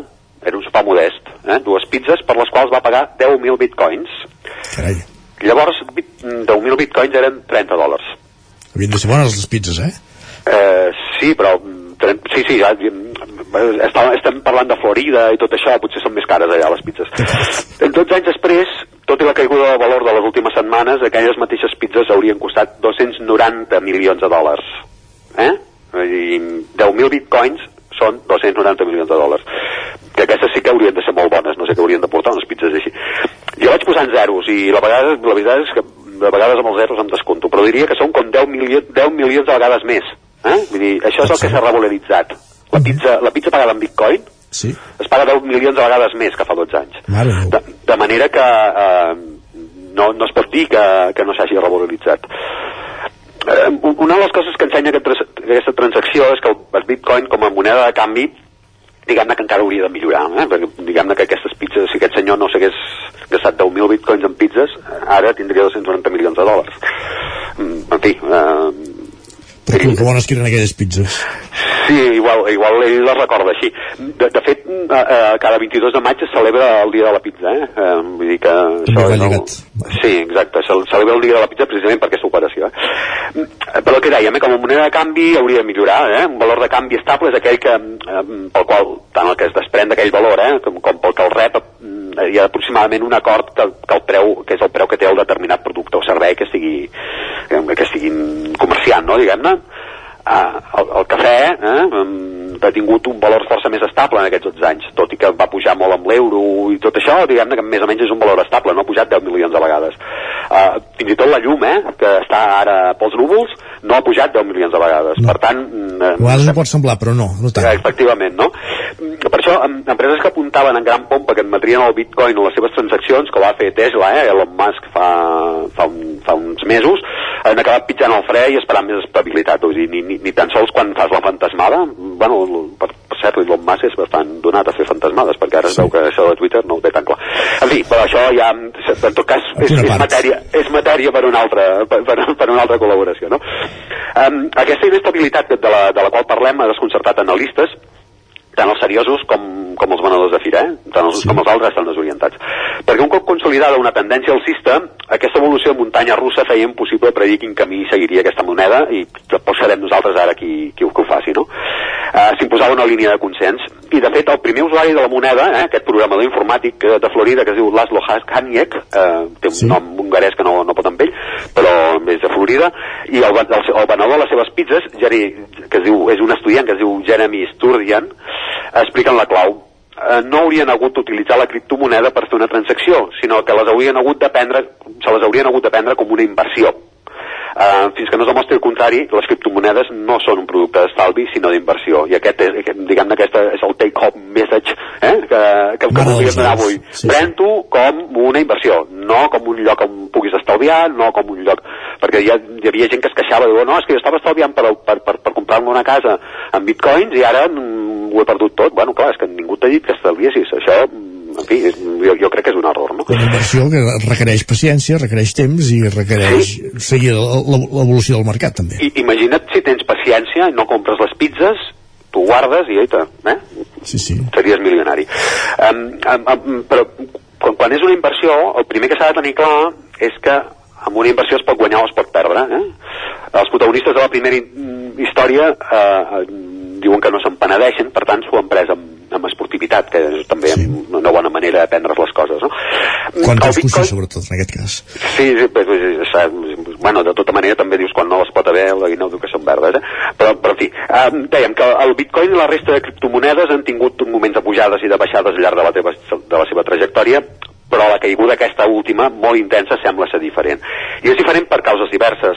Uh, la primera és que els suposats mecanismes de protecció, que eren les anomenades stablecoin, uh, perquè mm, uh, sobre el paper anaven conservant el valor perquè estaven referenciades amb el, dot, amb el dòlar, també van caure de cotitzacions. O sigui que com a stablecoin eh, tampoc han complert gaire no, no, no, no són gaire estables, eh, diguem-ne. Eh, si cal la moneda que se suposa que és estable, què no passarà amb la que explícitament es defineix com inestable? Doncs clar, els inversors eh, que es van fer aquesta pregunta es van entrar una mena de vertigen, van vendre el que van poder eh, i com que hi havia poca gent disposada a comprar van haver de, prendre, eh, de vendre a preus més baixos. En tot, de tot plegat, quines, conseqüències, quines conclusions en podem extreure, no? eh, que la irracionalitat marca tant la compra com per, per impuls com la venda per pànic. Eh? Eh, és tan irracional comprar per impuls com venda per pànic. I este marari assenyalar les bondats d'un valor suportat en el no res quan puja cor que vols i, i també fer-ho quan, quan les, també cantar-ne les maldats quan el valor s'estavella. Hi ha exagerats que estan aprofitant el, el moment per assegurar que la criptomoneda ja té el seu Lehman Brothers, eh? recordeu, Lehman Brothers va caure, crisi de 2008, um, el més eh, tot, tot, tot això és que la gent li agrada molt fer titulars eh? um, el que més probablement estigui passant és que en un mercat eh, tan nou com aquest hi hagi ajustos que poden semblar terratrèmols, eh? eh? però també passa això, eh? amb el terratrèmol la terra es mou, però continua sent terra, per tant això és un valor d'inversió i amb el terratrèmol continuarà sent un valor d'inversió, és el més probable que passi. Eh, el que pot ser positiu en aquest cas és que les criptomonedes siguin preses exactament com el que són, eh? una inversió, i de risc, el dia afegir. Eh, de moment arriba aquest període que diuen del criptohivern, eh, en el qual probablement encara es veuran més descensos de preu. En un entorn econòmic tan volàtil com, les, com, com el de les mateixes criptomonedes, és massa agosarat fer pronòstic. I, i tot això ho diu un criptoescèptic, com, com jo. Com tu. I també val la pena dir que no, res és tan fàcil com sembla, en aquests casos. a vegades. Efectivament, i ara en, en, en, en moments de- d'inflació molt alta, de puges de tipus d'interès i tot això, diguem-ne que els inversors han, han deixat de voler plats exòtics eh? I, i han decidit menjar menú eh? I, i per això estan fent inversions més tradicionals. Fins la setmana que ve. Gràcies, Joan Carles. Gràcies a vosaltres, bon dia. El nou FM, la ràdio de casa, al 92.8. En Santi no para de teletreballar. Per això necessites sempre la millor connexió. Si treballes fora de l'oficina, escull la millor fibra i línies mòbils amb la major cobertura 5G, com en Santi. Benvinguts a Mi Movistar. Configura-la al 1004, a movistar.es o a les botigues amb fins a un 50% de descompte els 3 primers mesos. Perquè ara Movistar arriba a Barcelona. Movistar, la teva vida, millor. El 28 de maig vine a viure el Dia Internacional de la Ceràmica al Keràmic, la festa d'experiència en fang de Sant Julià de Vilatorta. Des de les 10 del matí fins al migdia experimenta en fang amb tallers infantils i per adults i a la tarda participa al Torneja't amb una masterclass de Jan Madrenes o apunta't a les visites guiades. També hi trobaràs mercats, exposicions, concursos de pintura i sketch crawl, un espai de food trucks o la trobada d'autocaravanes. Més informació a keramic.cat. El racó de León ja és primavera. Gaudeix de la nostra terrassa. Vine a tastar les xuletilles de lechal a la brasa amb una bona amanida o el xuletón de vedella gallega. No et pots perdre el nostre lechado de Castilla al forn o el cochinillo a l'estil de Segovia. Tot acompanyat del millor celler, al menjador o fora la terrassa. Descobreix la millor cuina de Lleó sense moure't de casa. Vine amb la família, els amics, la parella o sol. T'encantarà. El racó de León, cuina tradicional lleonesa i de mercat. Som al carrer Torelló número 35 de Vic. Per reserves, telèfon 93 889 1950. El racó de León, una cuina diferent. A la Clínica Dental Sant Fortià hi trobareu un equip professional que treballa de manera coordinada per oferir un tracte sensible i humà. Estem preparats per qualsevol urgència dental i oferim accions preventives per la tercera edat i els infants. El doctor Ramon Garcia, implantòleg de Barcelona, fa 10 anys que visita Torelló. Clínica Dental Sant Fortià. Ens trobareu a la plaça Sant Fortià número 9 de Torelló al 93 859 6408 i al 690 92 51 99. Cocodril Club. Si t'agrada la bona música dels anys 60, 70 i 80, escolta el 9 FM els matins de dissabtes i diumenges d'11 a 1. És el temps del Cocodril Club, tot un clàssic de la ràdio, amb les bases del pop-rock, les llegendes, les cançons que s'han convertit en autèntics himnes. Recorda, dissabtes i diumenges al matí, d'11 a 1, al 9 FM 92.8. Cocodril Club, el programa revival de l'Albert Malla. Hasta luego, cocodrilo. El 9 FM, el 9 FM, el 9 FM, el 9 FM. Territori 17. A Tren d'Alba. Cada dia els usuaris de la línia R3 de Rodalies que veuen sortir el sol des d'un vagó ens expliquen les gràcies i les penes del primer comboi que uneix Ripoll i Barcelona.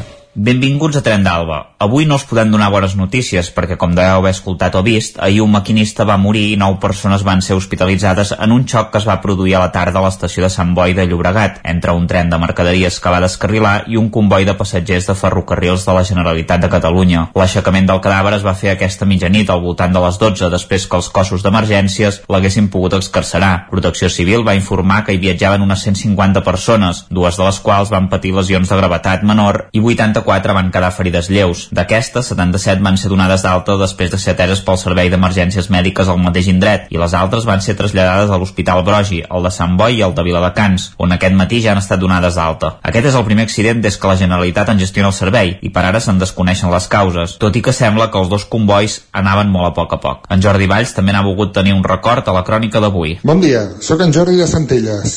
A part dels 10 minutets d'avui, molt emprenyat per als 40 minuts ahir a la tornada. D'avui té cert sentit, perquè els encreuaments són els que són. Però és que el tren al semi de les 16.37 cap a Puigcerdà va sortir d'Hospitalet 40 minuts tard. Hòstia, quina tocada de pip, vale? No sé qui ho fa, això, però té la marinera. Però a part d'això, record pel maquinista de l'accident que va haver ahir a ferrocarrils de la línia de plaça Espanya. Hòstia, és mala sort, eh? És mala sort i no sé, és sempre... Jo vaig conèixer el maquinista, no sé si recordeu que va haver un accident entre la Garriga i Figaró i un maquinista li va entrar per la cama un tros d'arbre. Jo el vaig conèixer, el vaig conèixer amb la seva pròtesi realment, hòstia, és un tio absolutament que ho viu, això dels trens. Per tant, hòstia, un record i una abraçada molt forta per tota la gent dels trens, per l'accident d'ahir, tot que de tant en tant va passant. No són infal·libles els éssers humans, aquestes coses passen per desgràcia. Res, avui no tinc ganes. Que vagi tot molt bé. Vinga, ànims, adeu-siau. No hi ha res més a dir. Molts ànims a la família del maquinista i esperem que es puguin esclarir els fets per saber què va fallar perquè es produís aquest accident. Va, ens retrobem demà amb més històries del tren i de la R3. Territori, Territori 17. 17. Territori 17.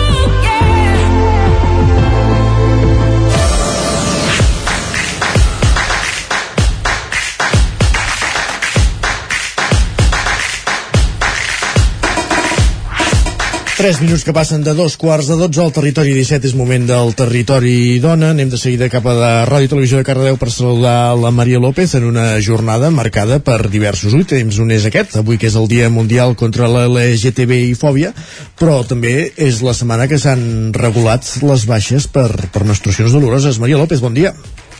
Bon dia, Isaac. Doncs sí, efectivament arriba un nou territori dona amb aquest ritme de timbals i un territori dona molt carregat i amb moltes ganes de fer tertúlia perquè tenim diversos temes al voltant de la lluita feminista sobre la taula i amb aquesta intenció nostra també de fer obrir els ulls sobre aquells masclismes que molts cops passen desapercebuts i que per desgràcia segueixen calant a la nostra societat.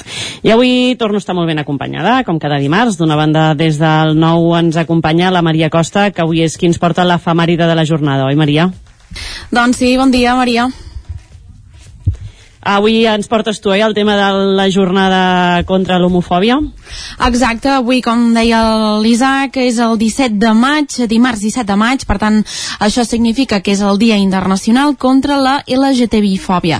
Uh, si em permeteu, llancem algunes uh, dades perquè puguem va valorar quina és la situació actualment. Són unes dades que va publicar justament ahir l'Observatori contra l'Homofòbia, i és que ha registrat un total de 86 incidències en el primer quadrimestre d'aquest mateix any a Catalunya, que és, atenció, un 50% més que en el mateix període de l'any del 2021, quan se'n van registrar 57. Uh, més dades, els àmbits més freqüents han sigut la violència pública, seguit en segon lloc d'internet, i les xarxes socials, amb un 21% en els dos casos. Pel que fa al tipus de discriminació més uh, registrada, les principals han estat les mostres d'odi i exaltació cap al col·lectiu, però també les agressions físiques que augmenten un 70% respecte al 2021. Doncs importants xifres, ara entrarem a, a debatre amb més profunditat totes aquestes xifres. Avanço també que tenim amb nosaltres a la, a la Susana Cabiscol, que ens acompanya per continuar fent tertúlia avui perquè, a més a més, eh, com ja avançava també l'Isaac, volem posar sobre la taula eh, la nova llei de l'avortament. I és que aquesta nova llei, que segurament ens donarà molts temes a Territori Dona, inclou l'anomenada baixa menstrual, que ha donat molt i molt a parlar a les xarxes. Bon dia, Susana, i gràcies per formar part de la tertúlia també. Hola, bon dia. Doncs eh, seguim, Maria, comentant aquestes dades que ens estaves, que ens estaves dient, perquè sembla que lluny de que passi el, el temps i que avancem en aquesta, en aquesta matèria, les xifres continuen sent eh, realment esfereïdores, oi? Maria, doncs, si farem més prim en aquest balanç, el col·lectiu gay ha estat el que més incidència ha patit aquest 2021, 2022, un 41%, seguit del col·lectiu trans amb un 34% i també s'han registrat dues incidències de persones eh, bisexuals. Avui, com eh, explicarem ara mateix, ens fixarem en les discriminacions que poden patir les dones trans a través d'un cas personal de la bigatana Fina Campàs. El cas de la Fina, que té 65 anys, és el cas d'una persona trans que ha fet el trànsit cap a dona, això sí, en una edat més adulta. De gran, segons explica ella mateixa, el seu trànsit va ser totalment caòtic. Quan era petita sí que socialitzava com a home i, evidentment, no sabia doncs, què, què li passava. En la més absoluta clandestinitat, evidentment nascuda al 1957, el que feia era doncs, vestir-se amb roba més femenina. Abans la roba tenia molt més gènere que, malauradament, que ara. I, per exemple, ella explica doncs, que petites situacions quotidianes, doncs, com es maquillava al lavabo. Ella mateixa explica que socialitzava com a home perquè ella identificava que ho havia de fer perquè els seus genitals eren els d'un noi parla de que va posar la seva identitat de gènere en un calaix, en un estat d'invernació, fins que en una edat molt més adulta ho va haver d'afrontar. I si parlem de, pròpiament de discriminació, un trànsit d'una persona trans d'home a dona és més evident, cosa que al revés és pràcticament invisible.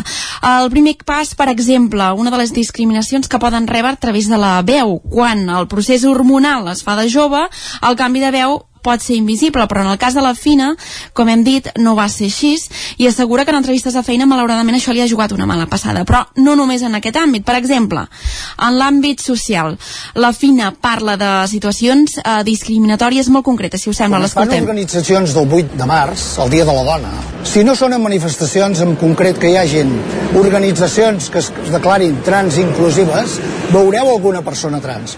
Però vull fer fem el viatge i anem a aquelles manifestacions que són les oficials i que els partits respectius doncs, van dient que són i que exerceixen un, un feminisme inclusiu. Jo us faig, feu la prova de veure quantes dones trans trobeu amb, amb imatges del 8M oficials. Quantes n'hi ha? Jo diria, jo no n'he trobat. Això té una, té una projecció a lo que és la sociabilització com a dona trans a dintre de tot el teu espectre social que tu tinguis. I si ja tenim perjudicis, això el que fa és que encara els hi dona, o sigui, es retroalimenten, encara els hi dona més gasolina. Estarem d'acord o no que en un parador com és una manifestació pot ser a la vegada molt referent per moltes persones que ja siguin, eh, que hagin fet ja el trànsit i que ben, evidentment són trans des de que van néixer. Encara hi podem eh, afegir eh, un nou ingredient. Parlem, per exemple, de la comarca d'Osona, on antigament no hi havia potser l'obertura social que hi ha ara mateix, eh, perquè ser trans anys enrere o avui en dia, mateix a Barcelona Barcelona i a Vic són dues realitats evidentment molt diferents. Ho explica d'aquesta manera la Fina dir categòricament que Barcelona és transfriendly, doncs home, doncs sí, comparat amb altres, potser amb altres llocs de, del que seria la Catalunya interior. Però tot i així, estem parlant, diguéssim, que l'acceptació entre, diguéssim, el que serien els esquemes eh, estructurals del, de les, dels prejudicis. Llavors, és clar, els perjudicis a Barcelona, com que és una àrea metropolitana molt cosmopolita, tenen un efecte, però potser quan vens cap aquí a la comarca aquests perjudicis tenen uns altres efectes. Llavors aquí, aquí és on hi ha, diguéssim, aquesta espècie, diguéssim, de, de, veloci, de, de dues velocitats o tres velocitats, si es voldria, amb l'encaix de la persona trans a dintre del seu territori de, de, de, que viu, no? on, on ha nascut, per dir alguna cosa. Noies, i aquí, si us sembla, um, hi ha un ingredient encara més que em sembla molt, molt interessant. En aquesta mateixa conversa hi vam incorporar l'experiència de l'Àlex Font, que és un noi jove trans de Centelles. Evidentment, la generació, l'experiència que ha viscut la Fina respecte a aquest noi són dues generacions molt diferenciades. Um, I que alhora reconeixen, per exemple, que quan una persona trans fa el trànsit de dona cap a home, guanya, en certa manera, privilegis. L'Àlex socialitzava com a dona i ha fet el trànsit cap a home això, tal com ell explica, i ara mateix sentirem, ha deixat enrere una motxilla de discriminacions que abans, com a dona, socialitzant, no tenia i ara tenia i ara ha, ha perdut. Jo, al ser un noi trans, jo he guanyat els privilegis. Clar. Llavors, situacions de discriminació, si a nivell social, algun cop amb alguna persona en concret, de que et parla en femení expressament perquè eh. sap que allò et, et, Exacte. et farà mal. Però a nivell així general jo tinc l'avantatge aquest sap greu dir-ho que he guanyat tots els No, no, privilegis d'home No és cap greu, és, és precisament és el I que ha de... és, i és així, Sí, llavors sí.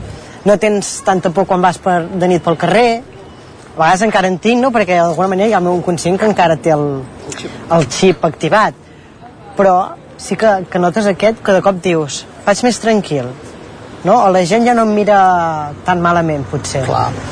Perquè aquí juga molt, no sé si estarem d'acord Àlex, juga molt l'expressió de gènere, aquella expressió de gènere que tu tens aquella fereix sensibilitats en base a aquells prejudicis. Una altra expressió de gènere dels nois trans, com, a, com diu l'Àlex, no són tan invasives i per tant són més tolerades. entres dins de l'estereotip d'home i de dona llavors el, els homes trans quedem com invisibles perquè passem desapercebuts normalment sí. passem completament desapercebuts a dins de, de la societat és aquesta invisibilitat que parlàvem la societat malauradament encara no està prou eh, preparada per um, per aquesta normalització de les persones trans i encara menys um, per una persona fa un trànsit eh, cap a dones d'una motxilla de privilegis és fort quan els escoltes parlar d'això i que en el cas de l'Àlex, una persona tan jove um, acabi veient malauradament d'una forma positiva que ell ara pot caminar pel carrer tranquil i ho sap perquè malauradament quan socialitzava com a dona ho ha experimentat i la Fina totalment al, al revés i encara més que ha hagut de fer el trànsit ara com a, com a dona gran. Uh, bé, un tema força, força complex i és um, bastant trist, no?, que avui en dia encara haguem de, de parlar d'això, de diferenciar i d'agrair que una persona trans, si fa el procés hormonal de jove, té les coses molt més fàcils uh, avui en dia, a més a més si li sumes que a sobre fa el trànsit cap a, cap a dona no sé, no sé com ho veieu uh, tot plegat Jo estic, eh, o sigui, m'han al·lucinat, així de clar, el- els dos testimonis. En el cas de la Fina em sembla brutal el, aquesta, sobretot pel tema de l'edat també, no? perquè si és, un, un, és com un hàndicap afegit i crec que en el cas de la Fina segurament es reflexa una falsa tolerància en el sentit de que molta gent uh, té la sensació de que, de que el trànsit està en aquest sentit molt més acceptat però quan parlem de, de gent més gran crec que en això s'és molt hipòcrita perquè no sé fins a quin punt la societat realment està eh, acollint de la mateixa manera a una persona que ha fet el trànsit quan és jove que quan és gran eh, crec que aquí hi ha, hi ha certa hipocresia social encara i en el cas de l'Àlex em sembla brutal eh, el, el, aquesta confessió quasi no? de dir ara eh, tinc certs privilegis quan fa tot just dos programes, em sembla que és, comentàvem aquí, eh, no recordo com es diu el, el tiktoker o Instagram, no, és un tuitero, que al revés, no?, que creava polèmica dient que havia fet la gràcia de canviar-se el sexe del DNI només perquè així tindria més privilegis com a dona i m'agrada que ho, ho vam comentar precisament que a més ja era un, un, bueno, ja és un personatge que ha tingut moltes polèmiques en, en la mateixa el, de, de, de Reix, no me recordo com es diu ara m'inventaré el nom, és igual um, però que, que precisament feia aquesta com gràcia dient sent dona tinc més privilegis no? doncs em canvio el sexe, total, ara és tan fàcil que ja està i després tens doncs, testimonis com, el de, com els de l'Àlex que han viscut realment aquest canvi de sexe i poden dir obertament vaig pel carrer més tranquil no sé Susana, tu com, com has vist jo he quedat al·lucinada amb els dos eh? Home, és, és bastant fort. És bastant fort que, que, que sent dona... Bueno, ja és bastant fort que sent dona um, tinguis por quan vas pel carrer, de, depèn de, de quines hores, i a sobre que facis el trànsit a home i que puguis dir que vas més tranquil. O sigui, és que és evident que, que hi ha alguna cosa que no, que no rutlla, no? Que, I Em, em, em quedo també amb el que deia la Fina uh, no sé, bueno, suposo Maria en aquest cas les devies fer l'entrevista per allà però clar, aquest canvi de quan baixes a Barcelona, que sembla que tens tot un... Hi ha certes, aquestes dobles marxes, no?, que deies segons on estàs en aquest moment, no? doncs com que la, la tolerància té, té diferents velocitats, no?, segons on estiguis. I tant.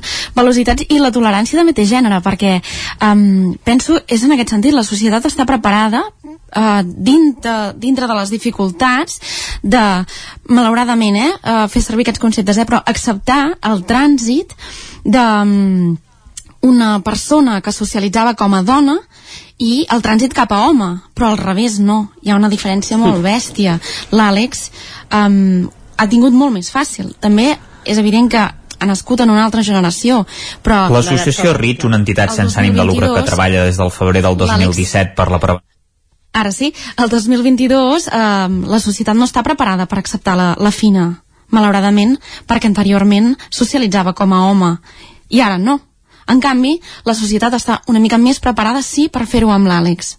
Cap i a la fi són dues persones trans. Això només... 40. I, i influeix la identitat de gènere i tant, gairebé ah, 50. No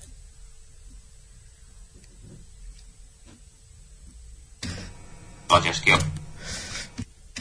Tenim problemes per comunicar-nos amb Ràdio Televisió Cardeu, bàsicament perquè ens està arribant senyal també de la veu de Sant Joan, que ara no tocaria, si el nostre company Isaac Montades pot... Eh, ara. Maria, podem Ara continuar. podem seguir.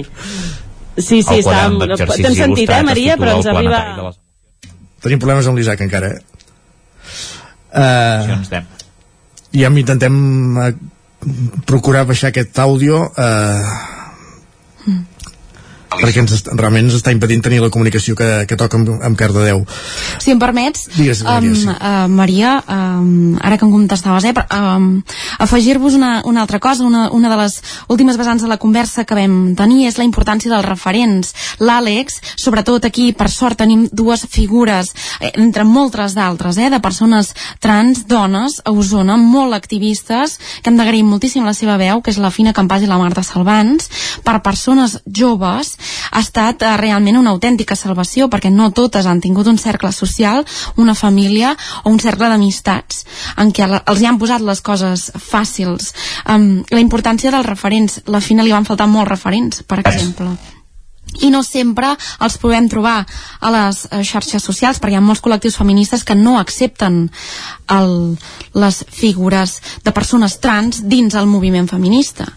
Uh, per tant és molt, molt, molt important que persones que han fet inclús el trànsit com a, en una edat més avançada es puguin explicar i els hi han d'agrair molt precisament primer els periodistes perquè ens ho puguin explicar i, i, i en puguem fer doncs, eh, notícies i reportatges d'això.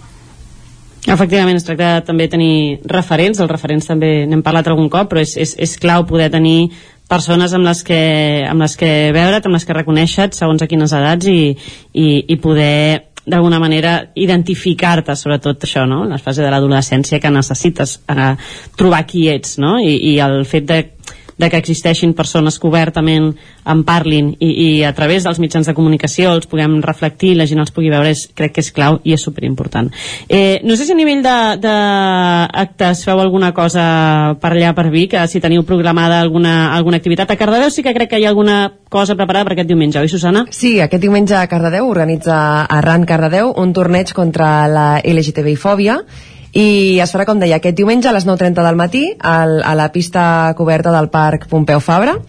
I bueno, s'han de fer equips de 5 persones. Aleshores a través de l'Instagram es pot fer la, la inscripció i bueno, és tot el matí, no? tota la jornada de, dedicada a aquest tema. Així que és de saber si teniu ganes de fer un matí de patxanga futbolera, s'organitza aquesta jornada a Cardedeu, organitzada per Arran Cardedeu, en contra de la LGTBI-fòbia. Uh... Des d'aquí, de la Ràdio Televisió de Cardedeu, hi haurà un equip també. Fem equip, eh? Fem equip. O sigui que igual la setmana que ve venim mig lesionades, però intentarem estar, estar allà.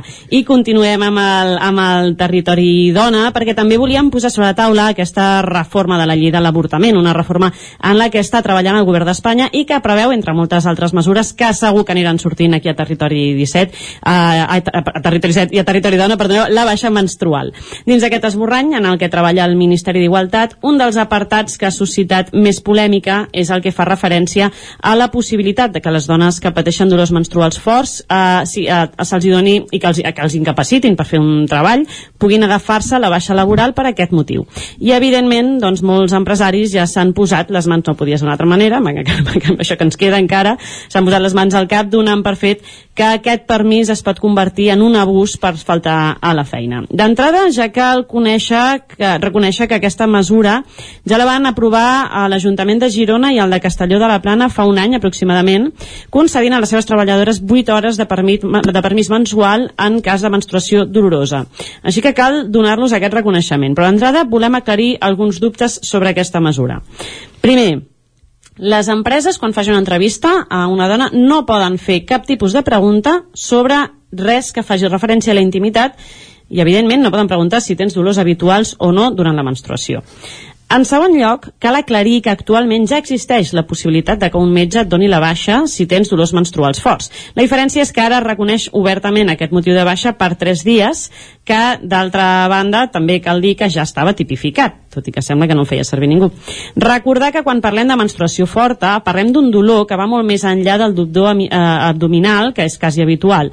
Parlem d'un dolor que pot suposar vòmits, marejos i migranyes, i que afecta, segons un estudi, a un 53% de les dones. Respecte al tema del sou, que hi ha molts dubtes, i aquí és on segurament radicaria més la diferència. Actualment, els tres primers dies de baixa a l'empresa eh, no es cobren, excepte si hi ha un conveni concret en el que estigui la, la teva empresa que així ho cobreixi. Segons aquest esborrany, seria la Seguretat Social qui es faria càrrec d'aquests tres dies. Per tant, la treballadora no es veuria afectada i davant la superpor que s'ha generat pel possible abús que es pugui fer d'aquest permís, dir com a dades que en el cas de l'Ajuntament de Girona des de principis d'any l'han fet servir només 8 dones de les 525 que tenen a la plantilla i en el cas de Castelló de Plana no l'ha fet servir cap dona de les quasi 600 que formen part del consistori. Així que de, a, aquesta història generalitzada de que ara tothom s'agafarà la baixa val la pena saber aquestes xifres. Com us podeu imaginar, les xarxes estan enceses totalment amb aquest tema, sota el hashtag baja menstrual, amb opinions de tots colors, tant per part d'homes com per part de dones. Després, si, ens dona temps, ja us llegiré alguns dels tuits, però bàsicament hi ha opinions que parlen de la despesa que implica la seguretat social, també gent que opina que serà perjudicial per la contractació de les dones, que es contractaran menys dones per por aquestes baixes, i fins i tot altres que qualifiquen de fluixes a les dones que la demanaran. Però també existeix molta gent, d'altra banda, que celebra que per fi existeixi una mesura com aquesta. Maria, no sé si havies sentit a parlar d'aquesta mesura i has llegit alguna polèmica al respecte. Doncs uh, sí, jo bàsicament el problema que hi veig és que, és clar, um, el problema és que la baixa laboral, quan, quan s'ha plantejat, no, el que s'ha fet és agafar l'home com unitat de mesura, i això és un, és un problema. Llavors em, em sembla tot bastant... Um, no, graciós quan estem d'acord que qualsevol treballador doncs, pot agafar una, una baixa, per exemple, un mal de cap insistent. Eh, ningú es planteja perquè una persona, segurament un home o, o dona fins i tot, eh, um, no pot anar a treballar perquè té això, un, un quadre de, de mal de cap, doncs que li, no li permet anar a treballar. Però en canvi si ho qüestionem quan és, es tracta del cas de la, de la menstruació i tots sabem, vaja, estarem d'acord en que si la menstruació afectés tant als homes com a les dones um, no estaríem tenint probablement aquesta conversa no, no estaríem parlant d'això. Llavors um, em sembla el tema, em sembla, em sembla molt clar i em sap greu i em fa ràbia alhora que estiguem això parlant de, no, de, aquestes crítiques i sobretot m'ha agradat aquesta dada que has llançat no, de l'Ajuntament de Girona. Um, són dades que, que són fàcils de contestar a les persones que diuen ara qualsevol dona eh, agafarà una baixa menstrual. Um, bé.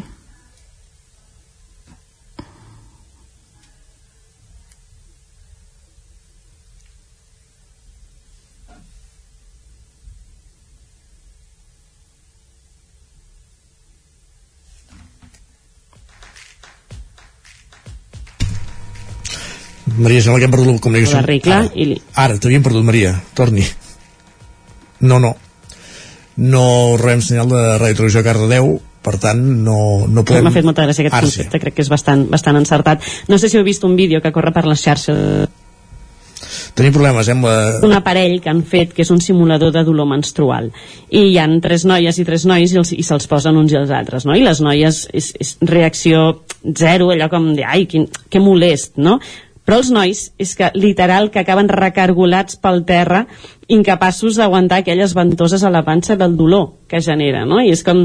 Eh, tornem a parlar del llindar del dolor, no? Una de les polèmiques d'aquesta mesura és que el llindar de, del dolor és molt difícil de mesurar, però tant, tant cap amunt com cap avall, no? Estan donant per fet que s'abusarà exagerant quan ningú sap si potser s'està precisament ja tenim el llindar molt baix, no? Potser? Ai, al revés, el tenim massa alt, no? De, de tant patir-ho. Susana, com ho veus tu? Bueno, jo crec que, de fet, eh, per això les dades no, de l'Ajuntament de, de Girona i de Castelló de la Plana són les que són, perquè ja estem molt acostumades. I, i el nostre llindar del, del dolor és, és, és bastant alt. O sigui, però m'agradaria veure aquest vídeo, Maria. Jo la veritat és que no l'he vist. M'agradaria veure'l. Jo l'he vist avui, l'he vist aquest matí per Instagram i em semblava, o sigui, té un punt divertit perquè els veus, o sigui, sap greu eh, dir-ho, però els veus patir, però, però té aquest punt de, de, ells mateixos estan rient de dir, ostres, no, no puc entendre que això sigui un dolor que moltes dones eh, tenen de manera, de manera habitual no? i si ens dona temps us llegeixo en res algunes parletes de, de Twitter eh, que, que realment són, són una mica no sé si dir escandaloses però sí que, que et fan pensar en quin punt estem no? Uh, un que es diu A veces dudo de Darwin deixaven a la parleta de se quejan de la brecha salarial, de las ventajas a la hora de buscar trabajo y de los techos de cristal, pero festejan la aprobación de la baja menstrual com dient us esteu tirant pedres al vostre propi d'això, no? Una altra, en aquest cas una dona, Elena Campos Moreno, a Twitter, diu la menstruación existe desde que el mundo es mundo y yo no quiero que me traten diferente por ser mujer, soy igual. Esto llevará al paro femenino y de funcionarios y funcionarias ni te cuento. Sociedad de flojos y flojas. Uh, sense comentaris, però realment això venint d'una dona, doncs suposo que encara, encara impacta més, no? Um, I aquí ja un que m'ha deixat com fora, una mica fora de lloc, que diu Al Pacino, fa dir, lo de la baja por menstruación es espectacular si le mezclas la libertad de género y sentimientos. Ya me veo yo a todo el mundo sintiéndose mujer cada 28 días. Uh, no sé si aquest home sap que no per sentir-te dona de cop t'arriba la menstruació, però bé, suposo que algú li, li haurà d'explicar. I deixo ja la última perla de Twitter uh, dintre d'aquestes banderes vermelles, que és de Sophie La Loren, una altra dona, suposem, que diu, esta semana paso de ir a trabajar, me ha venido la regla, además me va a durar unos 12 días aprox o quizá 20, quién sabe. Vacaciones, living la vida progressista. Evidentment, eh, tirant d'ironia a tope i intentant doncs, desqualificar aquesta mesura que de moment és un esborrany i del qual tindrem notícies properament. Uh, noies, uh, suposo que aquestes, aquests tuits ja deixen una mica constància de la polèmica que tens sobre la taula, però hi ha un esborrany actual que ens portarà molta més polèmica les properes setmanes i que continuarem acabaran de treure d'analitzar punt per punt totes aquestes noves mesures. Maria Susana, moltíssimes gràcies per formar part de la tertúlia d'avui i ens veiem properament al Territori Dona. Que vagi bé. Adeu. Gràcies a totes tres, gràcies també Maria i quedem al Territori 17 també amb el Territori Dona.